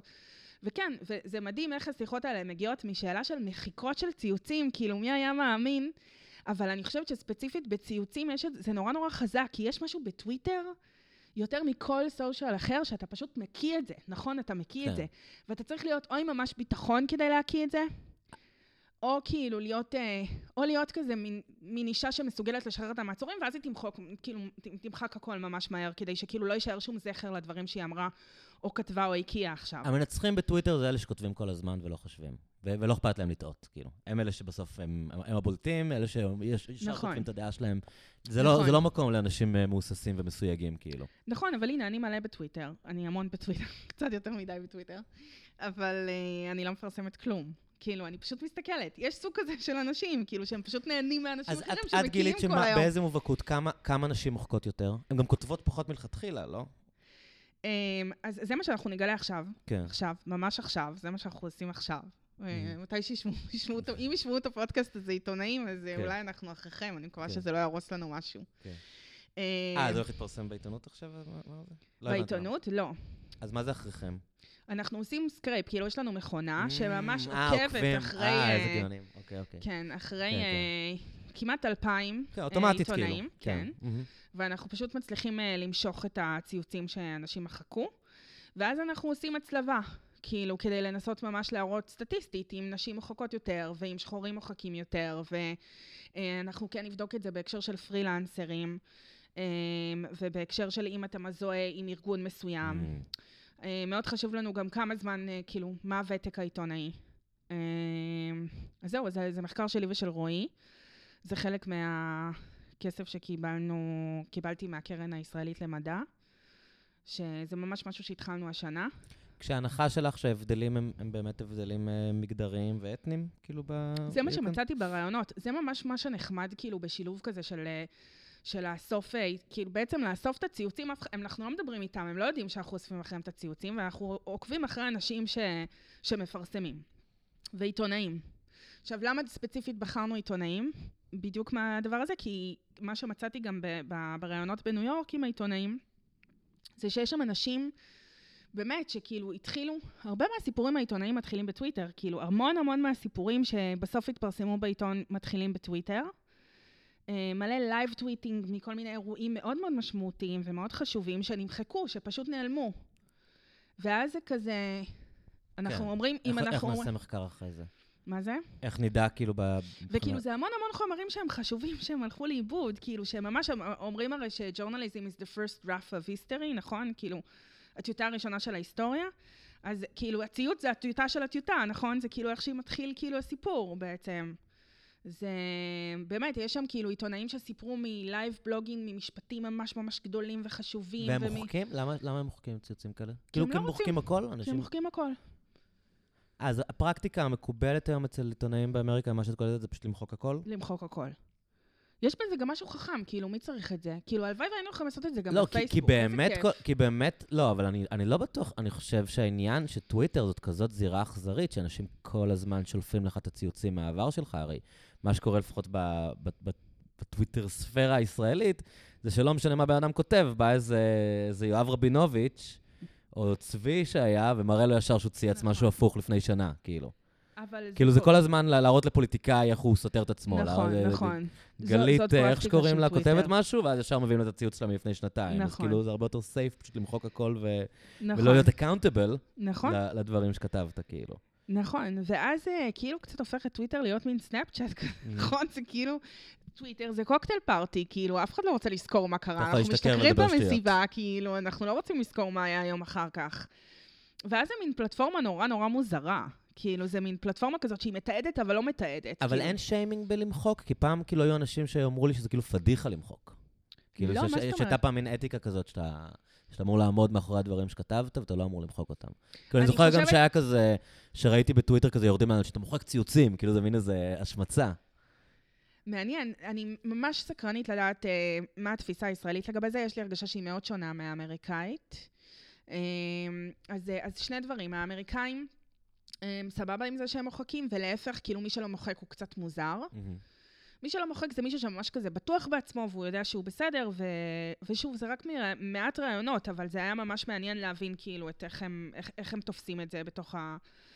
בתוך, בתוך טוויטר, וטוויטר ספציפית, כמו שאמרת, זה מדיום מאוד מאוד אכזרי, כאילו, הם גם כל הזמן מדברים על, כאילו, על, על ההכפשות שהם מקבלים שם ועל הציוצים שמוציאים שם, זאת הפרקטיקה, זה מה שעושים שם כולם. אז במובן הזה הם, הם, הם סבבה עם זה, הרבה פעמים הם מפרסמים בהתחלה, אני מוחק, אני לא אחראי לשום דבר, נכון? tweets are mine, כן. נכון, יש מין הצהרות כאלה מאוד מאוד ברורות. כן, כותבים בביו, הציוצים על דעת עצמי, ולא מייצגים נכון, את המקום נכון. שאני עובד בו, כל מיני כאלה. נכון. כן. אז אני חושבת שכן, שהם מרגישים, אה, מרגישים עם זה בנוח, וזה יהיה באמת ממש מעניין. כאילו, השלב הבא של המחקר זה להבין את זה בהשוואה לישראלים. אה, ולעיתונאים ישראלים. עכשיו, שני דברים שאני חושבת שמעניינים. כל השיחה איתם שאמרתי, שכאילו אני שאלתי אותם, נגיד, אה, תגידו, אתם עושים צילומי מסך? אז, אה, אז מלא מהם אמרו לי, ברור, שאנחנו עושים לאחרים. כאילו, כאילו, כשהם. מוחקים זה בסדר, אבל כשאחרים מוחקים זה לא בסדר, במיוחד פוליטיקאים, כאילו פוליטיקאים תמיד כי הם יודעים לעקוב. שהם ימחקו והם רוצים שתהיה להם נכון. הוכחה שהוא צייץ את זה. נכון, היו, היו אנשים שממש ביקשתי מהם שיראו לי את הטלפון שלהם, כי יש להם תיקיות של סקרינשוטס, וזה משוגע. כל דבר מצלמים? כן, כל דבר מצלמים? למקרה שזה ירד. גדל. ודבר שני שאני חושבת שמעניין, שזאת פרקטיקה ממש מעניינת של מחיקות, ותחשוב כאילו בהמשך לשאלה הזאת של מה שאמרנו, שדברים הולכים לאיבוד כל הזמן באינטרנט, אז, אז בהקשר של מחיקות, זו פרקטיקה שהיא ממש חדשה, כי פעם אי אפשר היה למחוק כתבה, אנחנו לא נמחוק, נכון? כן. אנחנו לא נוריד אותה. כשאני אומרת להם, גם כל הציוצים האלה, לא חבל לכם שהם הלכו לאיבוד? אז הם אומרים לי, כן, אבל יש את הכתבה. כאילו, יש את הספר שפרסמנו בסוף, כאילו, יש את ה... הדברים יישארו. אה, שזה דבר די מדהים, כי גם הכתבה כנראה לא תישמר, אבל, אבל הבנת, כאילו, בסוף מה שמתפרסם בדיגיטל, באאוטלט, בעיתון שהם מפרסמים, בבמה הקבועה שלהם, בפלטפורמה שלהם, זה כאילו חקוק, זה יישאר שם. בזה הם לא ייגעו, הם לא ישנו, הם לא יערכו, הם לא ימחקו, אבל הטוויטר זה מקום כזה שאפשר לנגוע בו. כן, זה מעניין לאללה. כשאת אומרת, כאילו, אני הולכת רגע לאזורים טיפה יותר כזה על העתיד הרחוק, ומחשבות על ה... לא יודע מה, אזורים כבר של מדע בדיוני כזה. סתם, אני ראיתי פעם איזו הרצאה מעניינת, כאילו, ונראה לי, פשוט שמעתי אותך מדברת על זה קצת בפודקאסט של אוניברסיטת חיפה, לא, לא בדיוק על זה, אבל על משהו שכאילו קצת אה, נוגע לזה. אז ראיתי איזו הרצאה אה, על... אה, אני מקווה שאני, זה בטח לא בדיוק מה ששמעתי, זה פעם, אפרופו זיכרון. אבל על אנשים שנגיד רוצים לעשות uh, upload, לה, להקפיא את המוח שלהם, אוקיי? יש חברה, אני חושב, שמציעה לאנשים להקפיא את המוח שלהם בקליפורניה או משהו כזה. כאילו, אני מניח שזה בקליפורניה, איפה זה יהיה. uh, כדי שבעתיד, כאילו, יוכלו לעשות להם upload. אוקיי? כי אנשים באמת... Uh, יש סדרה כזאת, אה, אפלואוד. כן, ראיתי. אבל היום אנחנו עוד לא יכולים לעשות upload. אז יש אנשים עוד לא. שנורא מפחדים למות, אז הם, אה, מקפיאים את המוח שלהם כדי לעשות upload, ואז כאילו, אז הבן אדם שעשה את המחקר הזה, הוא דיבר איתם, אה, והוא אמר להם, "אה, כמה שנים אתם חושבים שזה יהיה אפשרי? והם זרקו כל מיני טווחים אה, בעתיד. ואז הוא אמר, אף אחד מהם לא חשב על האפשרות המאוד ריאלית, כשאתה מסתכל על אה, תאגידים ועל השנים האלה, שהחברה שהקפיאה לך את המוח תפשוט את הרגל. כאילו, אה, כאילו, זה מין איזה משהו שבכלל לא, לא עבר לאנשים בראש, שכאילו, 250 שנה, אין הרבה תאגידים היום שקיימים 250 שנה, כאילו. נכון. אז סתם אה, מעניין אותי, כאילו, איפשהו אנחנו, אה, נגיד, כשמדברים באמת, אנחנו מדברים על גוגל ועל דברים האלה, כאילו, לא יודעים אם, היה לך איזה משהו כזה, נכון? נכון, אתה, אתה היה. לא יודע אם גוגל תמיד יהיו כאן, או איך זה ייראה, נכון, או נכון. דברים משתנים. תראי, אפילו בארץ היה כל מיני, כולם העלו דברים לישראבלוג, ויום אחד ישראבלוג אמרו להם, אה, נכון. סבבה, אז אנחנו מוחקים את זה ישראבלוג, ו- מצוינת, ו- ואנשים לא האמינו, היה כאילו מין פאניקה כזאת, אני נכון. חושב שגם היה את זה עם במה חדשה. אנשים באמת, הדור הזה שהיה עכשיו בטוח... האוקיץ אבל- רוצים לסגור, כן? אבל- כן, וכל האנשים שכתבו את כל החיים שלהם בישראבלוג, הם היו בטוחים שזה האינטרנט. הם לא נכון. חשבו שזו חברה שמחזיקה את השרת הזה, ויום אחד יגידו להם, שומעים, אנחנו נכון. מעיפים, וגם, אה, אני לא יודע אם יאו אה, יגידו לך יום אחד שהם מוחקים לך את המיילים, כאילו, אם לא תגבה אותם, סתם, כאילו, זהו, אז סתם, רציתי לשאול אותך מה את חושבת נכון. על הדברים האלה, כי אני יודע שקצת... אה, קצת, מה, אני לא זוכרת. אפילו מה אמרתי בפודקאסט, כי לא יכולתי לשמוע זה לא משנה מה אמרת שם, זה חשוב מה תגידי עכשיו. אמ, נכון, אני חושבת שזה סוג השאלות שאנחנו... מה קורה? בוא נחשוב באמת על זה שהעברנו להם את כל האחריות, כאילו, על כל, על כל הזיכרון שלנו, וכל ה... כל הארכיונים שלנו נמצאים בפייסבוק ובאינסטגרם, וכאילו, נכון, ושמרנו שם את כל התמונות שלנו. ואנחנו דיברנו על ילדים שמתועדים כל הזמן, אבל הם מתועדים איפה? כאילו, איפה אנחנו שומרים את זה? לא, בענן, הם לא מתועדים, לא מתועדים, איך קוראים לספר הזה? לופה, במודפס הזה שיושב לנו כן. בסוף על ה... זאת לא כן, פרסומת. הם על ה cloud של גוגל. נכון, בסופו של דבר, מה זה cloud? אני גם מתה על האנלוגיה הזאת, איזה דבר מדהים, זה זה cloud, זה כן. פשוט שם, זה כאילו מרחף זה על מעלינו. מחשב זה של גוגל. בענן כן. כזה, אתה זה יודע, זה יושב על- fluffy כזה, אפשר. כאילו, זה בדיוק, על hard disk שהוא לא בבית שלנו. אמ, וכל ה data הזה כאילו יושב איפשהו, ויש, ויש סוכנים שבאמת אחראים עליהם, ואף תאגיד לא שורד 250 שנה, אז זה באמת כאילו השאלות ש... השאלות שבעצם אה, ש- שאלנו בהקשר שכשאם העברנו לשם את האחריות, והם אלה ששומרים את כל המידע הזה, והם אלה שאחראים על הזיכרונות שלנו כיחידים, אבל הם גם שומרים על הזיכרונות שלנו כחברות. כאילו, זה לא רק התמונות הפרטיות שלי ושל האחיינים שלי ושל המשפחה שלי, ושל זה יותר מזה. כאילו, הם אחראים, ישראבלוג זה הרבה זיכרונות של אנשים פרטיים, אבל זה גם, זה גם משקף את ההיסטוריה של האינטרנט. זה חלק בלתי נפרד מהחברה הישראלית. זה ההתחלה שלנו. נכון? זה איך שלמדנו לתקשר דיגיטלית. זה חומר מדהים לחוקרים ולהיסטוריונים, וזה תמיד, כאילו, אני תמיד כשאני נותנת את הטיעון הזה שחומר מדהים לחוקרים ולהיסטוריונים, זה תמיד נשמע לי לא משכנע מספיק, כי לא צריך לשמור דברים בשביל חוקרים והיסטוריונים, כן. נכון? או שכן, אני לא יודע, כאילו, אני מתעניין בהיסטוריה.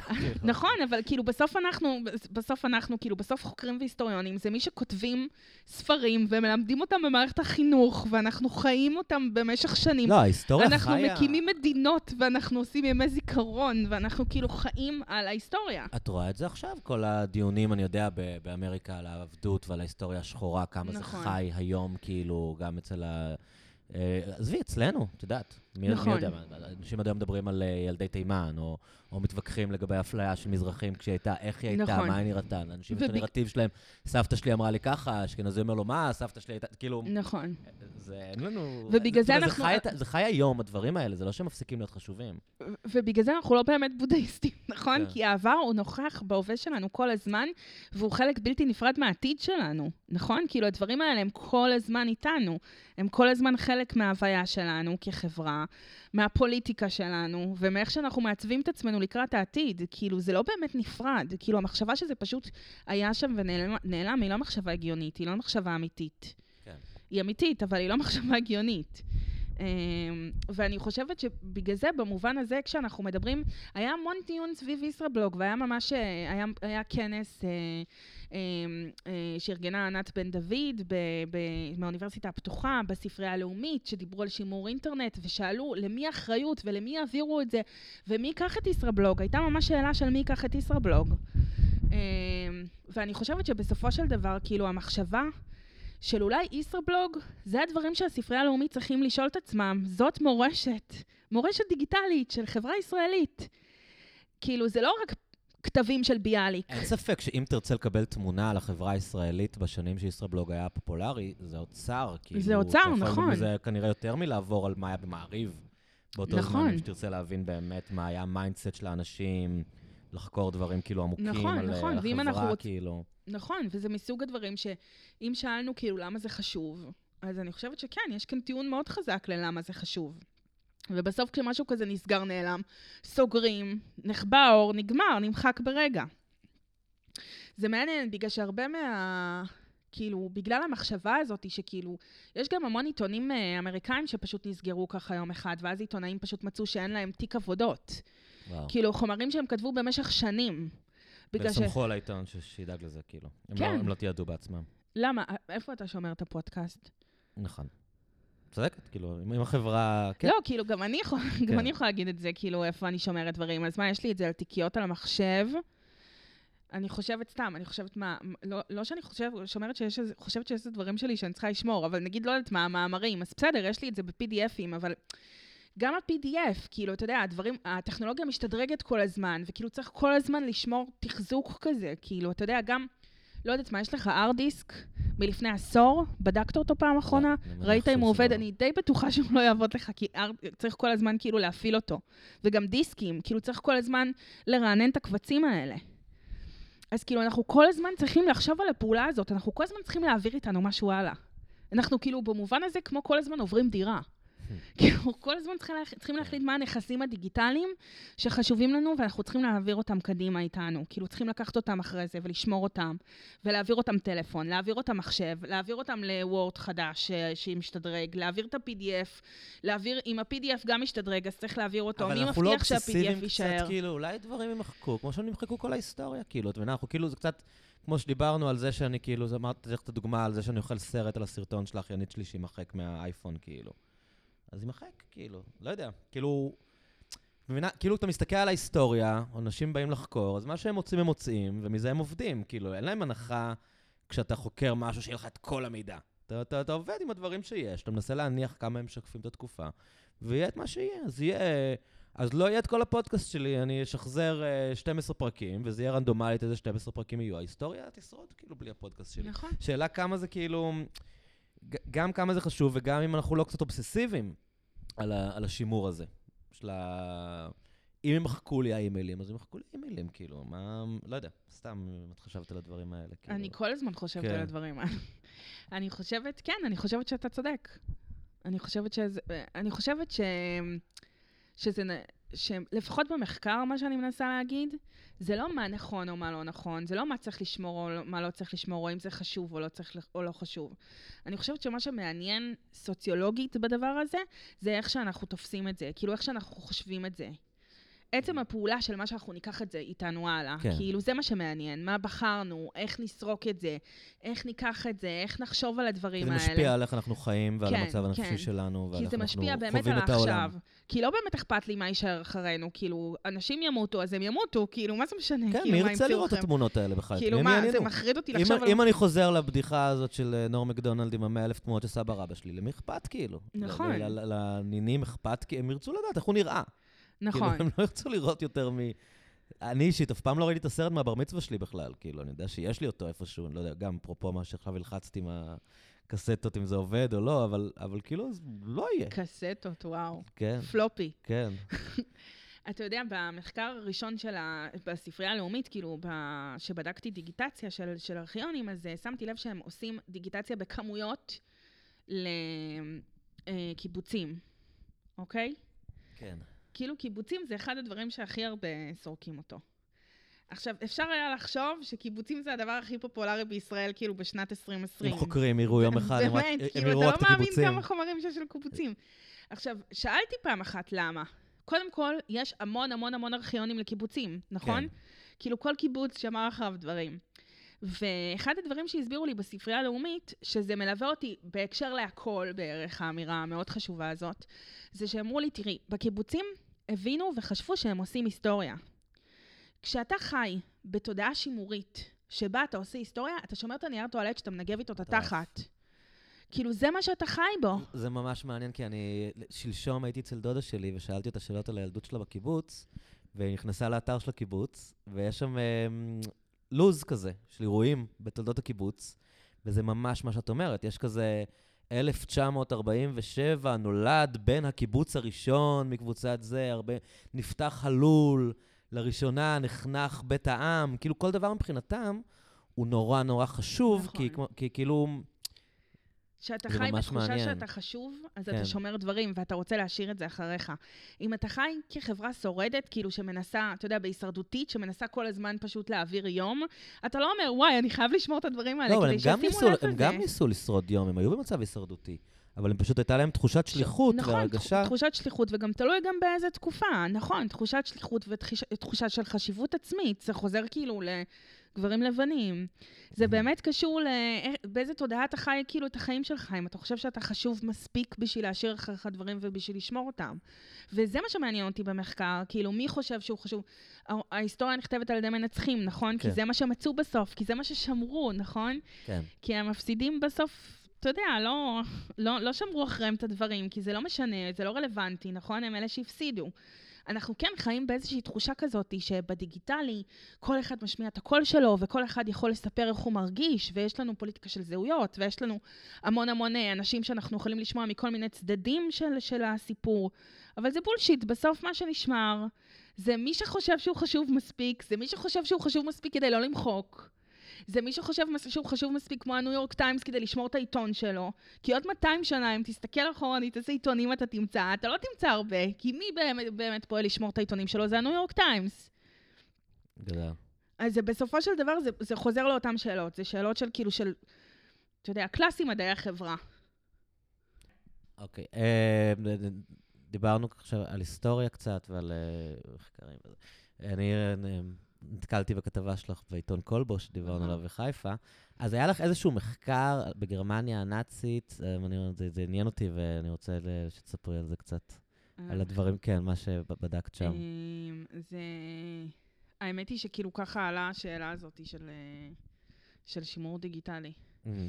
זה מחקר על... אה, זאת התזה שלי בחוג להיסטוריה, ובדקתי אה, ייצוגים אה, של הגוף הנשי במגזין הנשים הרשמי של המפלגה הנאצית. היה מגזין נשים רשמי, כן, שנקרא. NS. פראונוורטה? פראון ורטה. שמה זה אומר? זה כאילו דו-משמעי, אבל בגדול זה נק, נקודת אה, השקפה. מהמם. כאילו זאת הנקודה הכי גבוהה בהר שממנה רואים דברים. אוקיי. אמ, אז כאילו, הנקודת השקפה של אנשים. אה, הרבה כאילו דיבורים על דיעבד, כאילו דברים שהיו בפוליטיקה. הרבה כאילו מה קורה, והרבה כאילו איך אה, עצות כאלה של איך אה, להתארגן, כאילו איך להתארגן על ביגוד, איך אה, לייצר לעצמך את הבגדים, והרבה כאילו בישול, גם סיפורים רומנטיים בהמשכים. בישול זה בעיקר כזה מה תבשלי לפירר. וואו, למה שאתה בשל הפירר? כי הוא צמחוני. אוקיי. ו- ובאופן כללי, אבל זה היה כי, כי, כי, אוקיי, מה, מה, זה, כמו, זה ממש כמו מגזין נשים, כאילו, כמו שאתה מדמיין, לאישה? זה ווג, ווג ולאישה רק, רק נאצי. והפנייה למה תבשלי זה לפ... נשמע מצחיק, אבל זה מגזין מרהיב. מה תבשלי לפירר, זה מין מחשבה של איך אנחנו עושים להם יותר כמה מתכונים אינדוקטרינציה. מדהימים לשטרודל. זה. מאוד אופנתי היום, וואי, אפשר לעשות אה, ספר מתכונים צמחוני על מתכונים לפירר. זה יכול כן. להיות אה, טרנדי היום. אז אוקיי, אז כאילו זה בעצם מין מגזין שמתעסק כאילו בנושאים של לייפסטייל, ו... של לייפסטייל נאצי, אבל. שמה מאפיין את הלייפסטייל הנאצי? כאילו, מה... אז אה, בגדול אה, מאפיין, אה, מה שאני חושבת שכאילו היה מעניין ב- ב- במה שמצאתי במחקר הזה, זה שאתה נוטה לחשוב שכאילו, יש שם הרבה דיבור על, אה, על היופי הטבעי הנורדי.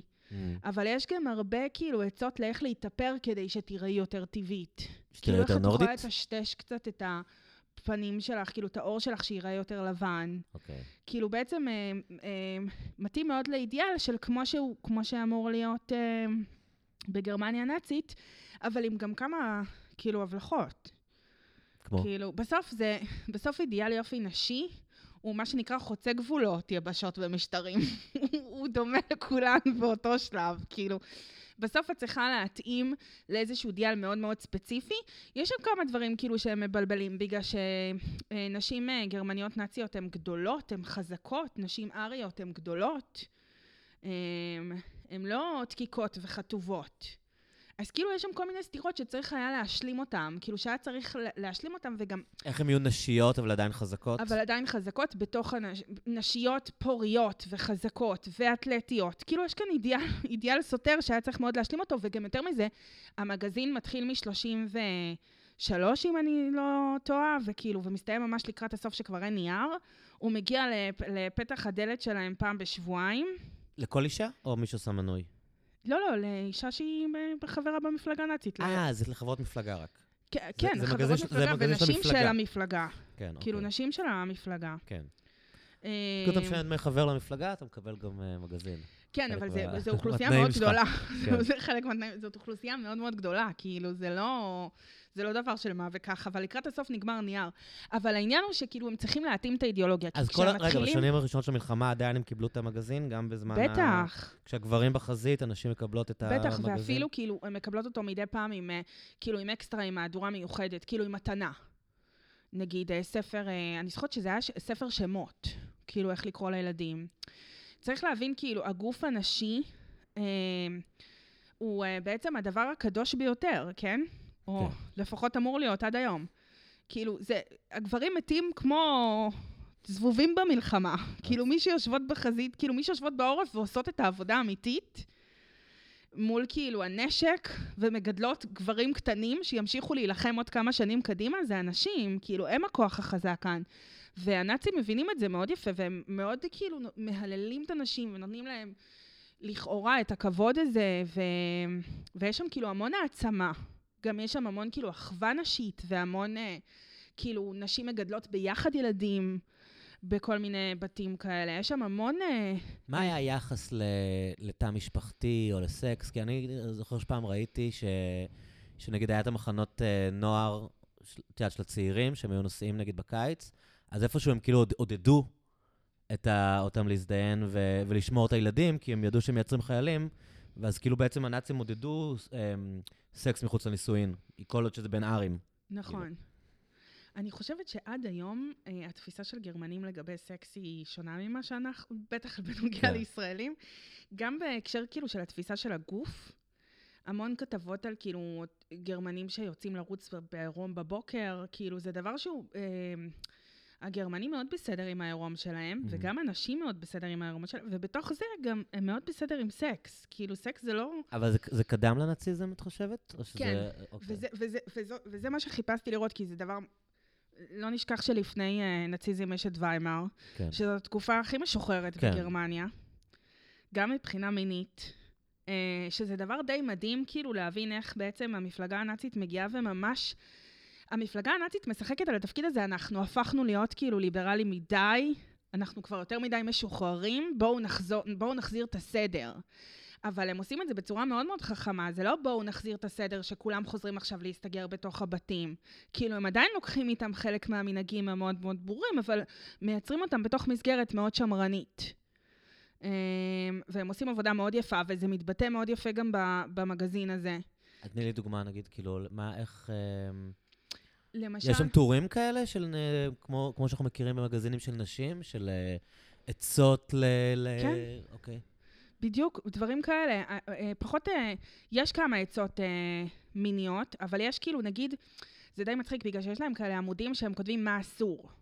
ואז כשהם כותבים מה אסור, יש להם מה זה תמונות, כאילו, פורנוגרפיות מה קשות. אסור בסקס? אבל זה אסור. לא, מה אסור בכלל? איך אמור... ל... לא, אסור להיראות, כאילו, איך זה נראה יותר מדי פרוץ ואיך זה נראה יותר מדי מופקר. אה, אז ממש רואים תמונה ממש כן, פרובוקטיבית, ואומרים לך, אסור ואומרים, זה להתקרב." אסור. כאילו, אבל הם מראים את התמונה, כאילו, זה לא מצונזר. יש שם מין צנזורות כאילו אין נורא... פוריטניות, אין... אה, נכון, כאילו יש, אה, אה, וכאילו היחס הוא מאוד מאוד שונה.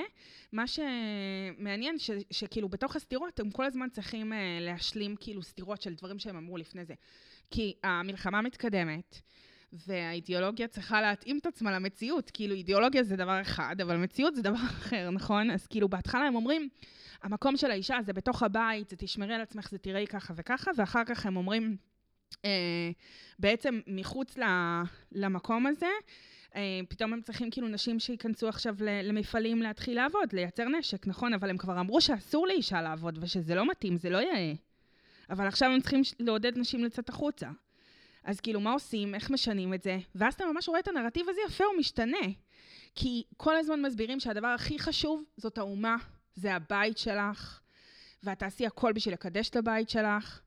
אמ, ואז בתוך זה, זה גם ברור שחלק מהתפקיד, וגם הם מסבירים את זה נורא יפה, תצאי עכשיו לעבוד, אבל אחר כך תחזרי הביתה, כי המקום הכי חשוב זה באמת הבית. כי אנחנו נאמנים למה שאמרנו מקודם, יש כאן איזה תיקון ל... נכון.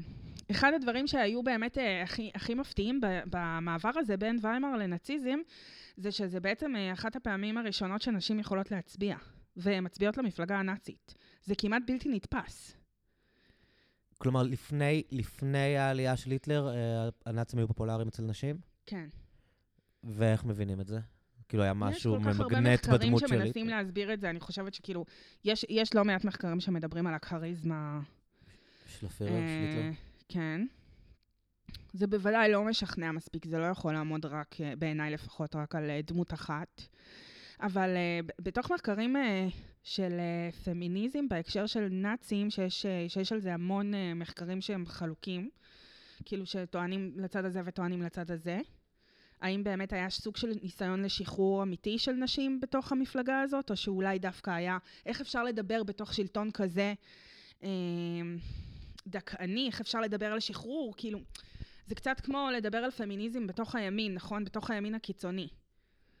אה, אז אנחנו, אנחנו שואלים באמת את השאלה, כאילו, איך, איך, איך הרבה פעמים אידיאולוגיות כאלה יכולות להתיישב ביחד?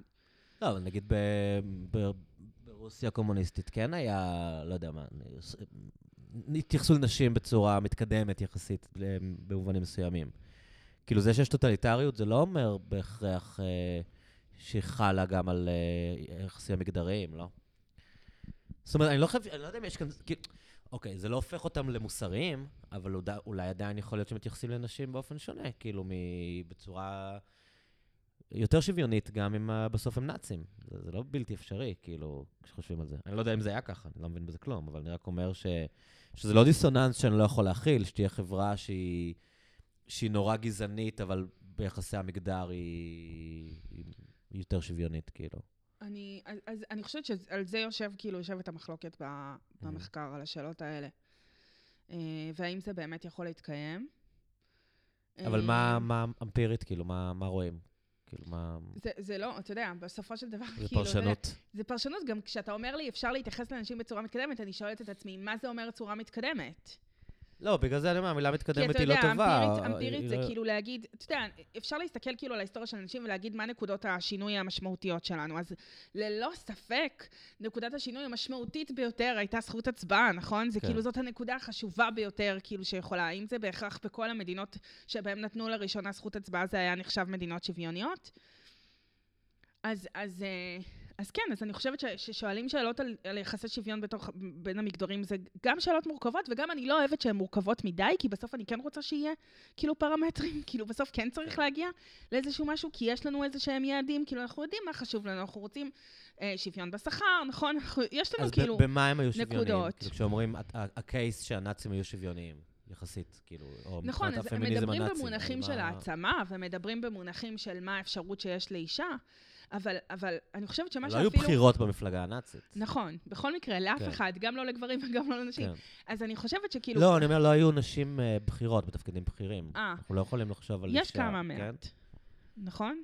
אני לא מצליח לחשוב על איזה מישהי שהייתה בתפקיד מפתח. אה, לא, אבל אנחנו יודעים על זה שהיו היו כמה נשים מש, משפיעות, אבל אוקיי. נכון שכאילו מראש התפקיד הזה הוא כן, הוא כן אה, מיוחס לגברים.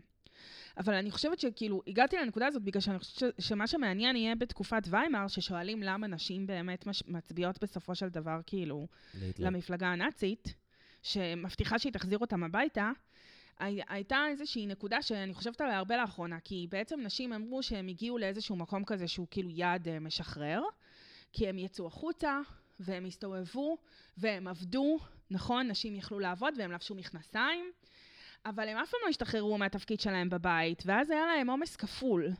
וזה נכון לגבי פמיניזם עד היום. כאילו, בכל חברה. נכון? כאילו הפמיניזם תמיד הוא העומס הכפול, כי זה לא שהם השתחררו מהעבודות הביתיות שלהם, פשוט התווספו להם עוד עבודות. אמ, זה לא שכאילו נוצרה איזושהי חלוקה יותר שוויונית, ואז מתוך המקום הזה הם הרגישו שיש להם עול כפול, ולכן הם יצאו והצביעו למקום, שהפ... למפלגה שהבטיחה שתחזיר אותם הביתה, כי הם כבר העדיפו לשחרר את זה ורק לחזור כאילו לתפקידים שגם ככה להוריד מהם את העומס. מעניין. גם מעניין כמה העניין הזה של הפריצות המינית וה... קודם כל, כשמדברים על הרפובליקה של ויימאר, נראה לי מדברים בעיקר על ברלין, לא? אני לא יודע אם כאילו באמת בכל גרמניה הייתה... אני עכשיו קורא את הספר של אריך קסטנר, אל האבדון, שמעת על זה? כן, כן. אז קראת? לא. אבל זה מטורף, כאילו. מטורף, כי זה, זה צונזר על ידי הנאצים, ולא היה, כאילו, שהרבה שנים זה לא פורסם, ועכשיו זה פורסם פעם ראשונה, כאילו, כי זה כבר תורגם בעבר לעברית, אבל כנראה בגרסאות מאוד מצונזרות, ועכשיו יצאה הגרסה המקורית של זה, כאילו, משהו מתאר שם מבחינת, אה, זה דברים שהם היום, כאילו, ממש רדיקליים, מבחינת מתירנות מינית והוללות ודברים כאלה, כאילו. אבל, אה, והוא מדבר על שנות ה-20 באמת, לפני הנאציזם. אבל באמת השאלה, כמה זה כאילו... את יודעת, יכול להיות שזה היה בברלין, ורוב האנשים בגרמניה לא אהבו את זה. כאילו, ההפך, יכול להיות שזה רצו כאילו מפלגה ש... שתחתוך את זה. נכון, עובדה שהיא זכתה כן, גם על המנדט כן. הזה, כן? היא זכתה ל...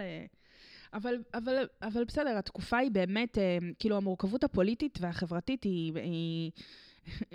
אחרי מלחמת העולם הראשונה, הכל היה שבר, כאילו, אנשים הסתובבו ברחובות, כאילו, בלי איברים, וכאילו, המצב מלא הומלסים, כאילו, המצב כל כך קשה, כאילו, המתירנות המינית הזאת לא נובעת מאיזה מקום של שחרור של הכל טוב, היא נובעת כאילו ממצוקה נפשית גדולה מאוד של חברה חולה. כאילו אחרי מלחמת העולם הראשונה, כאילו זה באמת, באמת מחלה, כאילו מדברים על זה אפילו במונחים כאילו של מחלה נפשית קשה, כאילו הנאציזם פרץ בתוך המקום הזה. אמ, אז באמת, אז תדמיין כאילו את כל, יש לנו כל כך הרבה כתבים על זה, ונכון, כאילו כתבו כל כך הרבה דברים על סיפורים על התקופה הזאת, גם בברלין, אבל גם מחוץ לברלין, כאילו על איך הגרמנים הרגישו ונראו באותה תקופה. אז, אז בתוך זה, זה זה מתחיל, כאילו, המפלגה הנאצית מקבלת יותר ויותר חשיבות ומקום, ו, והיא מתחילה יותר ויותר... אה, אז איך המחקר הזה, כשאת אומרת שהמחקר הזה הביא אותך למחשבות על דיגיטציה ודברים כאלה, אז מה בעצם, אה, איפה היה כאן הלינק? אז, אז אה, עשיתי את המחקר הזה לפני המון המון המון שנים כבר, וחיפשתי את, ה, את המגזינים, כי רציתי לבחון אותם, נכון? כדי לנתח אותם. ויש ארכיון באוניברסיטת תל אביב, אבל לא היו בו את כל המהדורות של המגזין הזה. וניסיתי לארגן כאילו מימון לנסוע לברלין, לצלם את זה באחד הארכיונים, ואז מצאתי ארכיון אונליין של אה, אוסף פרטי של אה, גרמני שהיה לו בבית את כל המגזינים, ובעצם הם העבירו את זה וסרקו את זה, והעלו את כולם, ואפשר היה להגדיל אותם ולראות אותם ולעשות להם דיגיטציה ולהעביר אותם ל Google Translate, כי הגרמנית שם היא בלתי נסבלת. את מבינה גרמנית? אני למדתי בשביל המחקר הזה. אוקיי, וואו. אמ, אז, אז זה, זה היה כאילו, אז העבירו, הם, הם העבירו את זה באמת דיגיטציה, וזה גרם לי לחשוב כל כך הרבה על איך בעצם אני יכולה לשבת מכל מקום בעולם, ותהיה לי גישה לחומרים שפעם הייתי צריכה ממש פיזית להגיע אליהם בתוך הארכיון. ואז אמרתי, איך בעצם הדיגיטציה הזאת משנה את כל מה שאנחנו יכולים ללמוד על היסטוריה וחושבים על היסטוריה? כי אז אנשים בבית שלהם יכולים לקבל גישה לחומרים שהם, אה, שהם, שאפשר היה להגיע פעם פיזית לתוך הארכיון, ואני כסטודנטית יכולה לכתוב על זה עבודה, וחוקרים כותבים על זה מחקר, ואחר כך מכניסים את זה לספרים במערכת החינוך, וכותבים על זה תסריטים של uh, סרטים היסטוריים, ומקרינים את זה בכל מיני מקומות, וכאילו הבנתי איך כל סוכני הזיכרון האלה, כל מי שאחראים, אתה יודע, על כל הדברים שמגיעים אלינו בסופו של דבר, הם מקבלים גישה לכל החומרים האלה, וזה, מק... וזה מקדמים את זה לקדמת הבמה. כאילו, אפשר יהיה לקבל איזה גישה. זה מעניין, כי גם בעולם כזה, כאילו, האקדמיה יכולה לאבד מהמונופול שלה, כי יכול לבוא עכשיו איזה חובבן, חובב, לא יודע, איזה מישהו שהוא ממש בעניין של הדבר הזה, וברגע שכאילו המידע זמין לו, והוא לא צריך כאילו גישה מיוחדת לארכיון, הוא יכול, את יודעת, לעשות את המחקרים שלו, שאולי לאו דווקא, את יודעת, אולי הם לא יעברו דרך המסלול הרגיל של ביקורת עמיתים וכל הדברים האלה, אבל יכול מאוד להיות שאנשים פרטיים, כאילו, את יודעת, יחקרו את הדברים האלה כהובי ויגיעו לדברים מעניינים. כאילו... אז, זה, אז זה, זה נכון מה שאתה אומר, וזה גם מאוד לא נכון, בגלל שהשלב הבא של, של לסרוק ולהנגיש דברים, זה השלב של באמת איך אתה מנגיש את זה. ויש לך פורטל בסופו של דבר, שדרכו אתה יכול להגיע לחומרים האלה. Okay. אוקיי. ובספרייה הלאומית ראיתי את זה מאוד מאוד חזק. כי תחשוב שאם יש לך, הם, אתה, הם סורקים עכשיו 200 אלף עמודים של כל מיני כתבים, הם לא פשוט זורקים את זה לתוך איזה ארכיון, ומישהו יכול פשוט לחפש ולמצוא את זה. כי חוקרים שצריכים את המידע הזה, הם ימצאו דרך להגיע אליו. אבל אם הם כבר משקיעים את הכסף כדי לסרוק אותו ולהעלות אותו לאינטרנט, הם חייבים להעלות אותו עם תיווך. הם כותבים כל מיני דברים בצד. שהם אומרים לך כאילו הסברים, הם מחליטים מה הם שמים קודם, כמו גוגל. כאילו, הם צריכים להחליט מה הם שמים קודם. הם מכניסים לך דברים ש, שהופיעו לך קודם, היום בהיסטוריה, הם יעשו כן. לך גם זה. אז כאילו, בסוף צריך גם להנגיש איפשהו, ואז יש עוד תיווך. כאילו, הפורטל הזה הוא עוד תיווך. אז זה נכון שאני מצאתי את הגישה הזאת לארכיון והורדתי את כל המגזינים האלה, והם אלה שבסופו של דבר חקרתי. אבל לא כולם יושבים לעשות תזה על מגזין של נשים נאציות מישראל. נכון? אנשים פשוט רוצים דוגמה בשביל להראות משהו בכיתה, מהספרייה הלאומית, כדי להראות מחר בבוקר, ביום ירושלים. אז מה הם יעשו? הם ייכנסו למערכי שיעור יום ירושלים, והם יראו את הדברים הראשונים שכותבים להם, ויש איזה מישהו שהסביר להם בצד, וזהו, אז בסוף ככה בונים נרטיב. כאילו, אפשר גם דיגיטלית לבנות נרטיב. כן. וזה- מעניין לאללה. Uh, דיברנו מקודם עם, עם טל על העניין הזה, כאילו באמת, uh, עכשיו נזכרתי פשוט בגלל שאמרת על התוצאות בגוגל, כאילו, על החיפושים, על כל הנושא הזה של, ה... של הזכות להישכח. כן. כי um, הוא סיפר לי קודם שאיזה בן אדם שכאילו עשה איזושהי פדיחה, אתה זוכר מה הוא עשה? מה היה הסיפור שלו? הוא עשה איזה משהו מפגר כשהוא היה סטודנט כנראה, ואחרי זה הוא חי חיים, אה, לא יודע, מאוד נורמטיביים, והתקדם, או אולי נהיה דתי, אבל עשה זה, וכאילו עד היום כל בן אדם שמחפש בגוגל את השם שלו, עולה לו, ה, לא יודע מה, הדבר הדפוק שהוא נעצר עליו בגיל 19 או משהו כזה. נכון. ו- והוא איפשהו כאילו דרש מגוגל אה, שימחקו את זה. הוא אמר, זה, אתם לא יכולים, כאילו, יש לי את הזכות שישכחו אותי כמו פעם. לא, אי אפשר, אפשר שכאילו הדבר המפגר הזה שעשיתי בגיל 19 עד המוות שלי, כל מי שיחפש אותי אה, ימצא את זה. כן. אה, שזה קצת מעלה כזה באמת אה, שאלות, על, אה, גם על חופש ביטוי, גם על אחריות תאגידית, גם באמת על זיכרון. נכון. כמו האישה שזוכרת הכל. כן, נכון. וכל הזמן חיה את הטראומות שלה. כן. באמת יש את הביטוי הזה, הארכיון לא שוכח, אבל אתה אומר, כבר אני יודע מהשיחה איתך שהארכיון כן שוכח הרבה פעמים. השאלה היא, השאלה היא מה הוא זוכר, כאילו. נכון. Um, כן, נכון, אני חושבת שזאת סוגיה שמתמודדים איתה מאוד חזק. Um, גם באירופה יותר מתקדמים בהקשר הזה מאשר uh, בארצות הברית. זה פשוט גרם לי לחשוב על... Uh, אני לא זוכרת איפה קראתי, אבל כאילו שיש איזה גדוד של uh, עובדים בשביל אייל גולן, שכל היום מסדרים את הגוגל שלו כדי כן. שלא, נכון? כאילו... אני עבדתי בזה. אני, כשהייתי, אה, באחת התקופות שהייתי מחלטר בכל מיני דברים, אז עבדתי גם קצת באינטרנט, והיה איזה אה, חברת מטבחים שהם היו לקוחות שלנו, עשינו להם את הדיגיטל, והם, אה, כל פעם היה להם ביקורות נוראיות, כאילו, אנשים היו כנראה, לא, לא, אני גם לא אומר את השם גם ככה, אז לא אכפת לי, הם כנראה היו סוג של נוכלים, כאילו, כן. והם היו פשוט בסטרס, כי לא משנה מה, הם- כמה הם ניסו למכור, כל מי שחיפש אותם בגוגל, עלו לו כל, ה... כל הדברים, כל המופעים כן. השליליים האלה, ואז אנחנו פשוט אה, ייצרנו מלא מאמרים פיקטיביים, שכאילו, את יודעת, שהם מותאמים לגוגל, כדי שאם כן. מישהו מחפש אותם, אז פשוט יעלו הדברים הפיקטיביים שאנחנו נכון. עולים, ולא יראו בעמודים הראשונים את, כן. ה... את הביקורות השליליות. אז זאת אומרת, אייל גולן מפעיל צבא כזה, כן, שעושה צבא בשביל כזה הדברים? שהוריד את כאילו... ש- מה, שלא יראו את הסיפורים על הבנות? שלא יראו את הסיפורים על הבנות. עכשיו בטח זה, עכשיו זה צץ עוד הפעם, אבל במשך המון המון זמן, אם היית כותב גוגל אה, את, ה, את הביטוי שלא נשכח לעולם, את הפוסי מוביל, פוטמוביל, פוטמוביל, של אבא שלו. זה כן. פוסי, זה ערבבתי עם טראמפ. טראמפ. יש לי יותר כן. מדי אה, מטרידנים בראש. אז כן, אז, אה, אז נכון, הפוטמוביל, אז אה, הוא עבד מאוד מאוד קשה כדי אה, אז להסתיר שילם את זה. לאנשים כסף אז זה- שיסדרו לו את כן, הגוגל? זה קצת מזכיר לנו שאפשר לעשות מניפולציה גם במה שאנחנו זוכרים, נכון, אפשר להסתכל.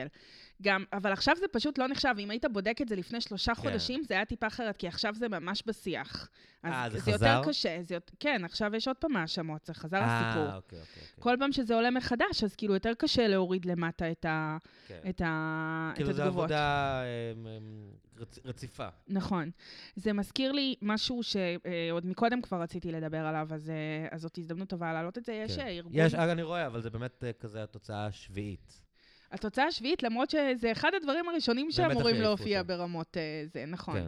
זה באמת משהו חדש יחסית מטיימאוט מדצמבר, מאבק המתלוננות, הייתי שפחת מין של אחד, קוראים לו אייל גולן.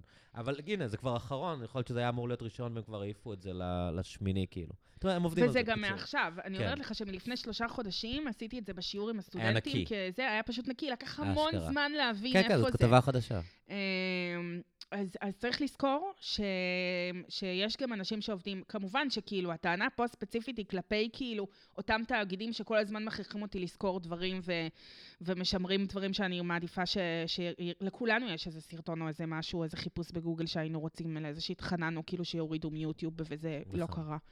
אבל אה, אז צריך להיזהר במה שאנחנו מעלים. מקווה שאני לא אתחרט על הפודקאסט. אבל uh, מה שרציתי כן להזכיר זה, יש ארגון שקוראים לו ה Internet Archive, שאני מתפלאת שעדיין לא דיברתי עליו עד עכשיו. אוקיי. זה גם ארגון ממש מגניב, כאילו יש מסביבו מיליון סיפורים, הוא מוקם בסן פרנסיסקו. מי שהקים אותו בשנות ה-90 היה uh, ברוסטר קייל, שהוא עשה אקזיט. הוא לקח המון המון uh, כסף, והוא הקים את מה שהוא קרא לו אז uh, ארכיון האינטרנט הגדול. Uh, ובעצם uh, זה כזה, זה, אני קוראת לזה הגוגל של הארכיונים, כי הם היחידים שעושים את זה, והם הכי גדולים. יש להם uh, אתר שקוראים לו Wayback Machine, שזה דבר סופר יעיל, והם בעצם שומרים uh, דפי אינטרנט ישנים. אוקיי? זה מה שהם עושים. שם אתה יכול, גם הם שמרו את ישראבלוג, אוקיי. אוקיי? זה קצת איטי, ואתה קצת מרגיש שאתה חוזר כאילו לשנות ה-90 באינטרנט. אבל הם איפשהו הגיבוי שלנו, הספרייה. שאמורה להציל אותנו כשדברים יימחקו? בדיוק. הם, הם, זה. הם כאילו non-profit, והם, אה, והם כאילו חיים על תרומות, אבל יש להם כסף, הם לא זה, הם מצליחים להסתדר. אבל פה הם חלק מהבעיה, כי אם אני רוצה שישכחו אותי, אז הם, הם, הם מבטיחים שלא ישכחו אותי בחיים. בגלל זה אני מגיעה כן, לזה. אוקיי.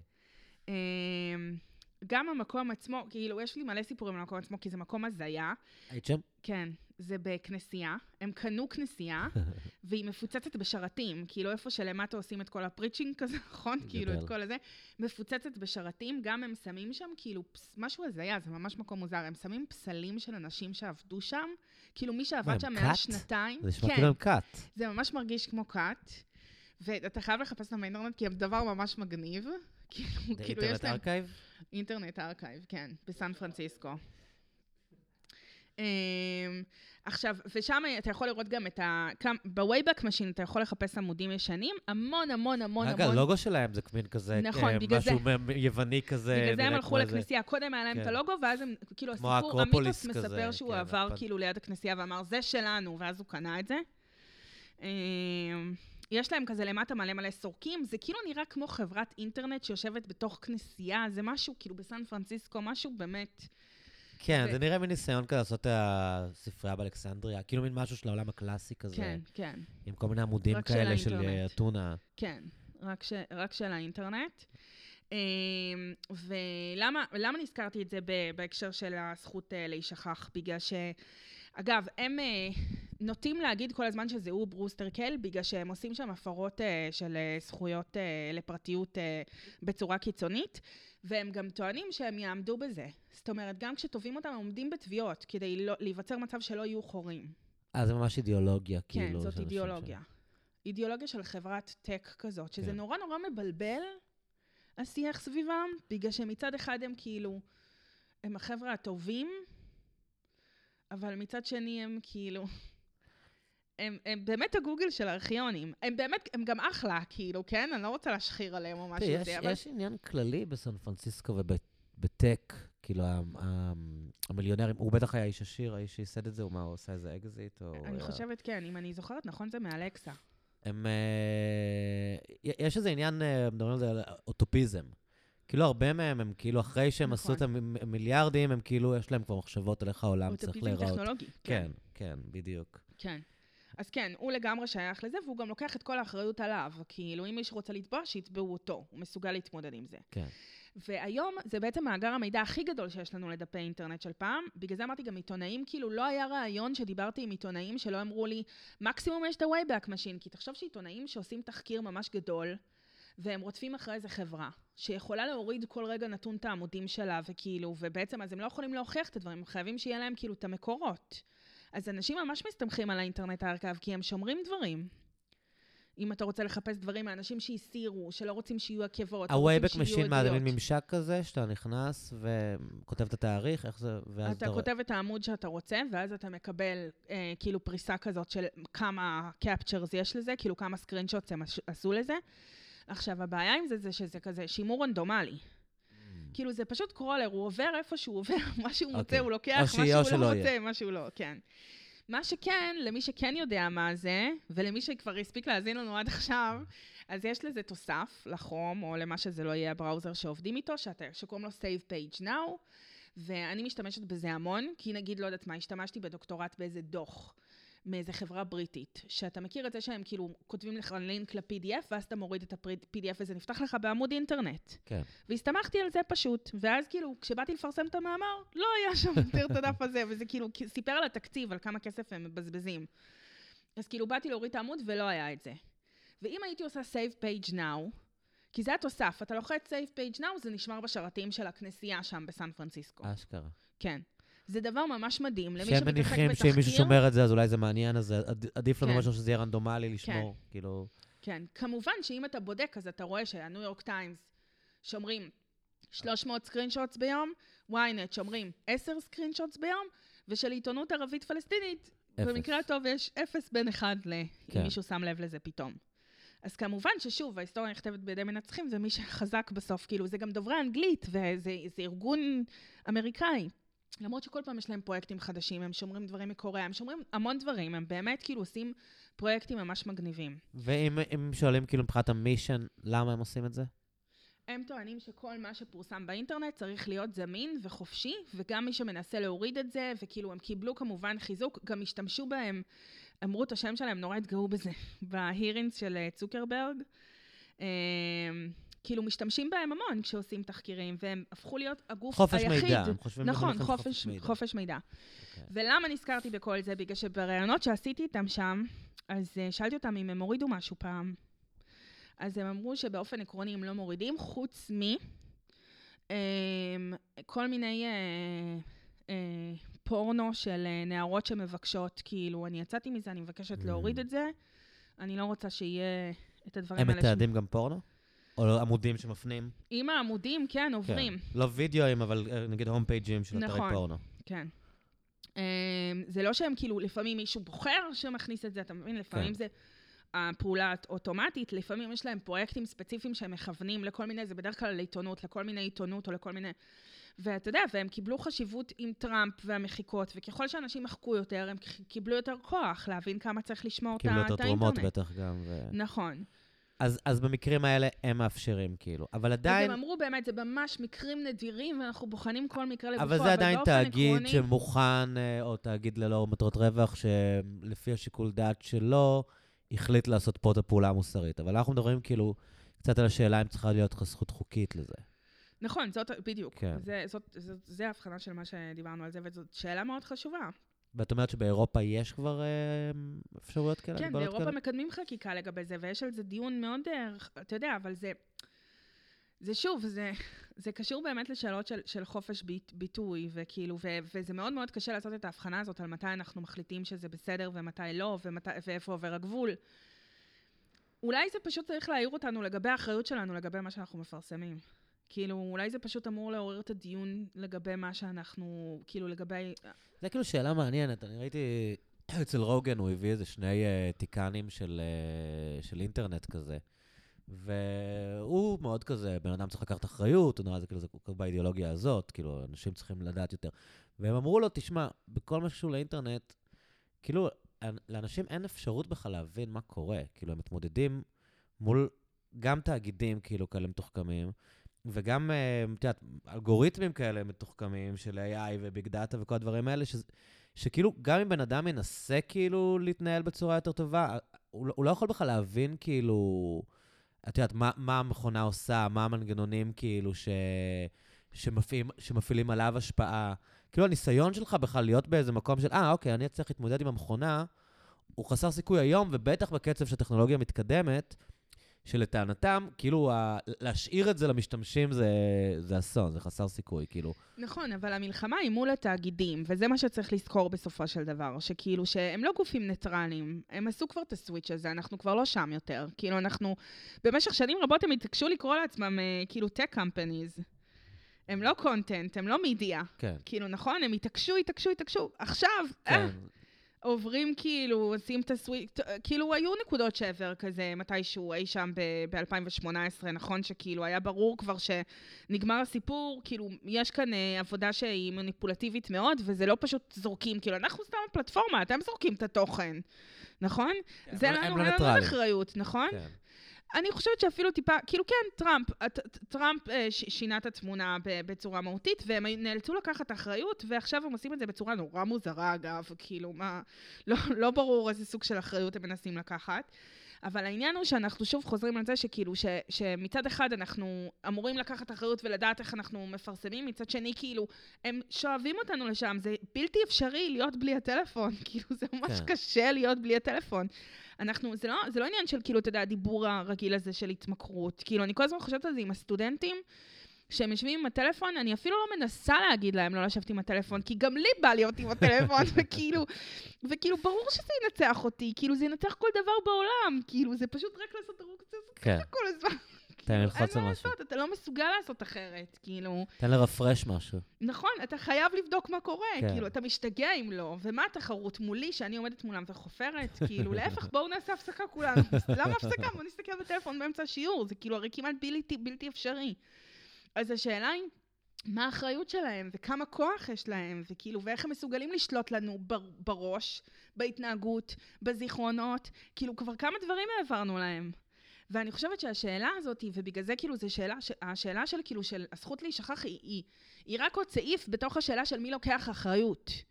והאם למדינות יש את היכולת לשלוט בזה, והאם אפשר להשתלט על זה בצורה חוקתית, והאם אפשר לעשות פה הגבלה כלכלית, כאילו מה, מה, מה התוצאה, כאילו מה הפתרון לדבר הזה, כאילו איך אנחנו נצא מה, מהשעבוד הזה. ויש לך עמדה? או שאת אה, חושבת ש... כי, כי זה נורא מבלבל. מצד אחד, את יודעת, בוא רגע נעזוב את העניין של הפרטיות, כאילו, למרות שזה גם אה, נושא מאוד מאוד חשוב, אבל בכל מה שקשור באמת לזרימה של מידע, לפייק ניוז, לכל הדברים האלה, שהם הם באמת יותר בכותרות ובלב השיח עכשיו, לא משנה אם זה, אם זה טראמפ, או קיואנון, או חיסונים, או כל הדברים האלה, כאילו. אה, אז אה, יש מקסימליסטים שאומרים, כאילו, אין להם שום אחריות, הם צריכים לפתוח הכל, שזאת עמדה שלפעמים נוחה להם, לפעמים הם, הם משתעשעים איתה, והם, את יודעת, הם, הם, הם, הם כל הזמן בהרגשה שהם בודקים את האקלים והם מגיבים. אה, כן. אבל השאלה, יש לך גישה? את חושבת שצריכה להיות התערבות רגולטורית בהתנהלות שלהם? במה האלגוריתם שלהם אה, מקפיץ לך? את יודעת, הרבה מבקרים את זה שהאלגוריתם שלהם מעלה לך דברים שהם, אה, יש יותר סיכוי שהוא דווקא י- י- יריץ fake news, או יריץ סיפורים שמעוררים מחלוקות. ש- שהרי האלגוריתם הוא לא ניטרלי באמת, כמו שאת אומרת, האלגוריתם יש לו הטיות מסוימות. אולי, ה- אולי הרגולציה צריכה להיות על עצם האלגוריתם. להגיד להם, בסדר, כאילו, אנחנו רק רוצים לעבור על האלגוריתם שלכם ולהגדיר, כאילו, איך הוא עובד. או, אני לא יודע, יש כל מיני נכון, פתרונות, אבל זה לא אז כל כך שאתה, מסובך. כאילו, הפתרונות שאתה אומר, כן. הפתרונות שאתה אומר זה מי יעבור על האלגוריתם. כאילו, יש מישהו, מישהו פה, סמכות עליונה שאני לא, סומכת אבל, עליו שיכול לא, להחליט. אבל יש, אנחנו חיים בשבילי על בעולם של התוכן? הפרטה, של תביעות ייצוגיות. כלומר, אם יהיה הגדרה לאיך האלגוריתם שלהם עובד, והם יפרו את זה, יהיה מי שיתבע. נכון, כאילו, אז לא יש את המילה המאוד. פופולרית של שקיפות, כן. נכון? שאנחנו מאוד כן. אוהבים להשתמש בה. אני חושבת שעכשיו היא קצת ירדה מהשיח, אבל הייתה תקופה שהייתה סופר סקסית. כאילו, Mhm. בואו נפתח את זה, בואו נ- ש- בואו נעשה את השקיפות הזאת, בואו, הרי כן. הדבר הכי הכי חשוב לנו לדעת בחיים האלה כרגע, זה איך האלגוריתם של גוגל עובד, נכון? כן. גוגל ופייסבוק זה שני הדברים שכאילו זאת שאלת, הייתי אומרת המיליון דולר, אבל היא הרבה יותר ממיליון דולר, נכון? היא שווה מלא כסף למלא היא אנשים. שווה מלא מלא כסף, כן. זה הדבר הכי חשוב שיש לנו בחיים כרגע, זה הדבר שמנהל שולט בכל מה שקורה בחיים שלנו, בכל רגע נתון של כולנו, כל הזמן. אז יש את הדבר הזה, כשאתה אומר כאילו הגבלות וזה, אני אומרת, אוקיי, מי יגביל? על מי אני סומכת שיגביל? כאילו, גם על המדינה אנחנו כבר לא סומכים, כן? ההקשר של החיסונים זה כאילו, זו דוגמה מצוינת, הבלבול הזה של סביב החיסונים. על מי סומכים? מה זה המוסד הרפואי? הוא קשור לממשלות? הוא קשור לפייק ניוז, נכון? זה כאילו הכל כזה בלי... מה קורה? כאילו, מי אחראי עלינו? מי הגוף שאפשר, אנחנו יכולים לסמוך עליו? אז אני הולכת להגיד את התשו- התשובה הכי מאוסה שיש.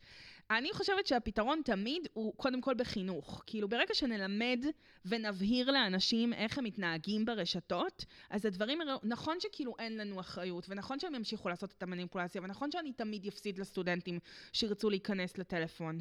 אבל התפקיד שלנו זה לייצר מודעות, זה להגביר את זה, זה לא, לדבר הטענה על היא זה כמה שיותר. שה- שהטכנולוגיה מתקדמת כל כך מהר, שהמסרים שאת תלמדי אותם היום לא יהיו רלוונטיים כבר עוד חמש שנים. כאילו נגיד מבחינת, כן, זו, נגיד את עושה להם הכשרות איך לא לזהות פייק איתה. news, איך כי לזהות בסוף fake news. הכל אותו דבר, ו fake news זה לא המצאה של הדיגיטל. כן. כן, זה היה מאז ומתמיד. והם עדיין ממשיכים לבוא לאוניברסיטה. זה דווקא הדבר שאני הכי לא מסכימה. כי אני מלמדת אותם, אני יכולה ללמד אותם, אני מלמדת אותם נכון על, על, התקד... על מסרים טכנולוגיים שאני מדברת איתם עכשיו, אני מדברת על מסרים חברתיים, על אנשים, על בני אדם, על איך הם יכולים להבחין בין אמת לשקר. נכון? זה דברים שאפשר, שדיברו עליהם, דיברו עליהם כאילו מיוון העתיקה. כן. הם לא צריכים כאילו של, לדעת, כאילו, לא צריכים שבגלל שהטכנולוגיה מתקדמת, המסרים מתקדמים. כי באוניברסיטה אנחנו נותנים להם כלים ביקורתיים לחיות את החיים שלהם. לא, אבל פעם הבן אדם היה יכול לקרוא עיתון ולהניח שמה שהוא כותב שם לפעמים אולי הוא לא נכון, או מוגזם, ויתקנו את זה, אבל הוא יכול לדעת שיש איזושהי אמינות לדבר שהוא קורא בעיתון. היום בן אדם נכנס כאילו לטוויטר, והוא רואה פשוט אינסוף ידיעות שהן יכולות להיות פשוט לא נכונות, כאילו. נכון, אבל אז- מה זה אוריינות דיגיטלית? זה לדעת להבין מאיפה אתה מוצא את המקור שלך, זה לדעת להבין על מי אתה יכול לסמוך, זה לדעת להבין מאיזה גופים אתה יכול לקבל את המידע שלך, זה לדעת מאיפה אתה יכול לעשות את ה-verified, נכון, את הצ'ק. כן. זה לדעת, זה בדיוק אוריינות דיגיטלית, וזה מה שאנחנו צריכים להעניק לאנשים, כדי שידעו איך לקבל מידע. זו, זאת האחריות שלנו. אמ, אז נכון, אז יש מלא בולשיט וחרא וזה, אבל צריך לדעת איך לעשות את לא, הסינון הזה. איפשהו כאילו העניין זה ש, שאולי, אני לא יודע, אולי, אה, עד שהם ילמדו את הדבר הזה, החדש, של אל תאמין לכל מה שאתה קורא, כבר יהיה בעיות חדשות. מה התכוון? כי עכשיו יש לך deep fake ים, ואתה יכול לראות את נאום של דונלד טראמפ, שזה לא הוא בכלל. ואתה ראיתי אותו בעיניים שלי, אז כאילו, נכון, מתכוון, אבל אולי- זה, אולי זה, ה- זה אותו דבר. כאילו, גם זה ה deep fake נהיה יותר מתוחכם. נכון, זה אותו דבר. אבל אולי זה גם ייראה כאילו זה בניו יורק טיימס וזה לא יהיה? אולי כאילו... כאילו, הם... הם זה, זה נהיה יותר מסובך, השאלה אם תמיד לאנשים... כי, כי זה נראה... ברגע שאנשים צריכים להיות אוריינים, אז זה אומר שהם צריכים להתקדם ולהיות יותר אוריינים בזה, ואז תמיד יהיה לך את רוב האנשים שהם מאחורה. כאילו, אני מכיר מלא אנשים, לא כולם אה, לומדים תקשורת באוניברסיטה. יש מלא אנשים שבאמת, אין, לי יש אה, אותה דודה... וחבל מאוד, אותה אנשים דודה- תבואו ללמוד תקשורת אותה דודה. מהקיבוץ, עם הסיפור מהקיבוץ, אז היא, היא למדה, כי כל כך הרבה פעמים הייתי צוחק עליה, שהיא מקבלת בוואטסאפ דברים לא נכונים, אז היום כל פעם היא כזה שולחת לי uh, forward, זה נכון, זה נכון, זה נכון, זה נכון, כי, כי באמת היא, היא לא סומכת על עצמה בכלל שהיא תדע, תדע להחליט, את מבינה? ויש, ויש מלא אנשים כאלה, כאילו, נכון, תמיד יהיו את האנשים. המבוגרים שלא יצליחו, את האנשים הפשוטים. השאלה אם אנחנו יכולים uh, להגיד, טוב, uh, שכולם ילמד, כאילו, לא יודע. השאלה אם זה מספיק אוריינות. אבל את אומרת שאין אין ספק יכול, שאם... נכון, אני כן. מסכימה שזה בטוח לא מספיק, אבל אני גם לא יודעת כאילו מה, מה כן, אתה מבין? אבל כן, ברור שאנחנו צריכים לחשוב על דרך להגביל את התאגידים. כן, יש להם כוח גדול מדי, חייבים למצוא את הדרך להגביל אותם. איך להגביל אותם? מה לעשות כדי להגביל אותם? זאת, זה באמת שאלות קשות. אני כאילו לא מבין את השיח במובן של כל התאגידים האחרים מוגבלים. יש כאילו כל כך הרבה רגולציה, ברור לך שחברה שמייצרת, יש לה מלא תקנים על איך היא לא אמורה לזהם. נכון. ולחברות תרופות יש את אה. ה-FDA, לא משנה, לפחות יש תקנים, עזבי שמצליחים לעקוף אותם. גם, גם גוגל יצליחו לשחק עם זה ולמצוא שטחים אפורים. הם אבל- כבר הרבה זמן גם כאילו נמצאים בתחום הזה, בקו, כאילו בשטח אבל האפור איכשהו הזה הם של כל הזמן. מצליחים להיות נכון, אקסטריטוריה אז כזאת, איכשהו, ולהביא כן. כל מיני טיעונים, בגלל שזה עולם חדש, של לברוח. אבל זה כבר ת- לא עולם חדש. בדיוק, בדיוק. אבל עם, עם הלוביזם שלהם ועם הכוח הפוליטי שלהם, בזמן שברור לך שיש רגולציה על בנק, שיש דברים שהוא לא יכול לעשות, יש רגולציה על שוק ההון, יש רגולציה על תרופות, יש רגולציה על איכות הסביבה. למה שלא תהיה רגולציה? כאילו, אני, אני לא כל כך מקבל את ה... ברגע שתהיה רגולציה לא יהיה חופש ביטוי. את יודעת, או הממשלה ת, תמנע ממך, תשלוט בזה. נכון. כאילו, יכולה להיות רגולציה ולאפשר חופש יש ביטוי. גם רגולציה כאילו. על שוק התקשורת, וכאילו, ויש חופש ביטוי. כן. כן. אני לא יודעת. זה כאילו, זה גם שאלה של רגולציה, איפה... אולי הם כאילו הופכים את? השאלה ליותר מורכבת ממה שהיא בכוונה, זה גם לפעמים הרגשה שלי. בטוח. כשהם באים לשימועים האלה ומציגים את זה, כאילו מין משהו שאנחנו בכלל לא... מצ- את יודעת, הסנטורים, האנשים שזה, הם בכלל לא מבינים את השאלות, את יודעת. נכון. כאילו, כי זה זה... נכון. זה נכון. זה בכלל כאילו שואו, כל כן. השימועים האלה. זה משוגע. כן. זה ממש כאילו, זה מעניין זה בעיה שגם שהם לפני יותר חמש. שנים אמרתי, וואי, זה הולך להיות מה זה מעניין. וכאילו, כעבור חמש שנים וכלום לא השתנה, זה כאילו עדיין מעניין, אבל כלום לא השתנה, נכון? זה פשוט לא משתנה, כאילו, זה לא, לא קורה עם זה כלום. כן.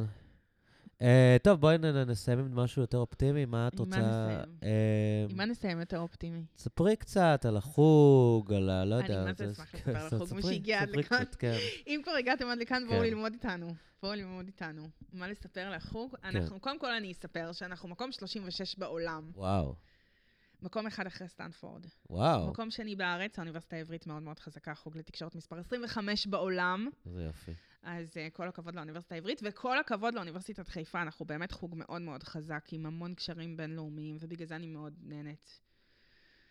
Uh, וזהו, ויש לנו סטודנטים מקסימים, יש לנו תוכנית ללימודים לתואר ראשון ולתואר שני ולדוקטורט. Uh, אני מחפשת אנשים שיבואו לעבוד איתי על טוויטר. יש לי כסף למלגות. אז בטוח יפנו אלינו. כן. אה, מי שרוצה ורציני, שיכתוב לי, אני אחבר אתכם ישר. רגע, מה- מה מה התנאים? אה, טוב, אה, מישהו ידבר איתי, אבל אה, מלגה וזה. לחקור איתי את הטוויטר, כאילו, לעשות איתי את המחקר הזה, לכתוב על זה תואר שני, להצטרף לדוקטור כאילו רועי דוידזון מסטרנטים. אנשים שרוצים לעשות תואר שני בתקשורת, להצטרף לחוג ולעבוד איתך על לבוא? המחקר הזה? אתה כבר בחיפה. מה, אנחנו נדבר אחרי, תספרי לי כמה מלגה. צריך לשמוע סכומים לפני שאני מתחייב למשהו. אז יכולים לפנות אלייך, מי שזה מעניין יכולים אותו? לפנות אליי, כן. ויש עוד המון מחקרים והמון חוקרים בחוג ודברים כאלה שאנחנו עושים, כותבים תזות על דברים מעניינים. אם התחומים האלה שדיברנו עליהם אה, מעניינים אתכם, אז בואו, בואו אלינו. איזה כיף, יופי. אז אה, שרון, היה לי ממש כיף. תודה רבה. ותודה לטל שהקליט אותנו. תודה לטל שהקליט אותנו. ונגיד תודה לשחף, שהמאזינים הוותיקים אה, אולי זוכרים אותו, שאירח אותנו ופתר כאן את הבעיה הטכנית הנוראית שהייתה לנו בהתחלה. אז כיף, אז תודה שגם באת סוף סוף, תודה, ותודה תודה, שאת תודה מקשיבה כל הזמן. אותי. ביי, להתראות. ביי.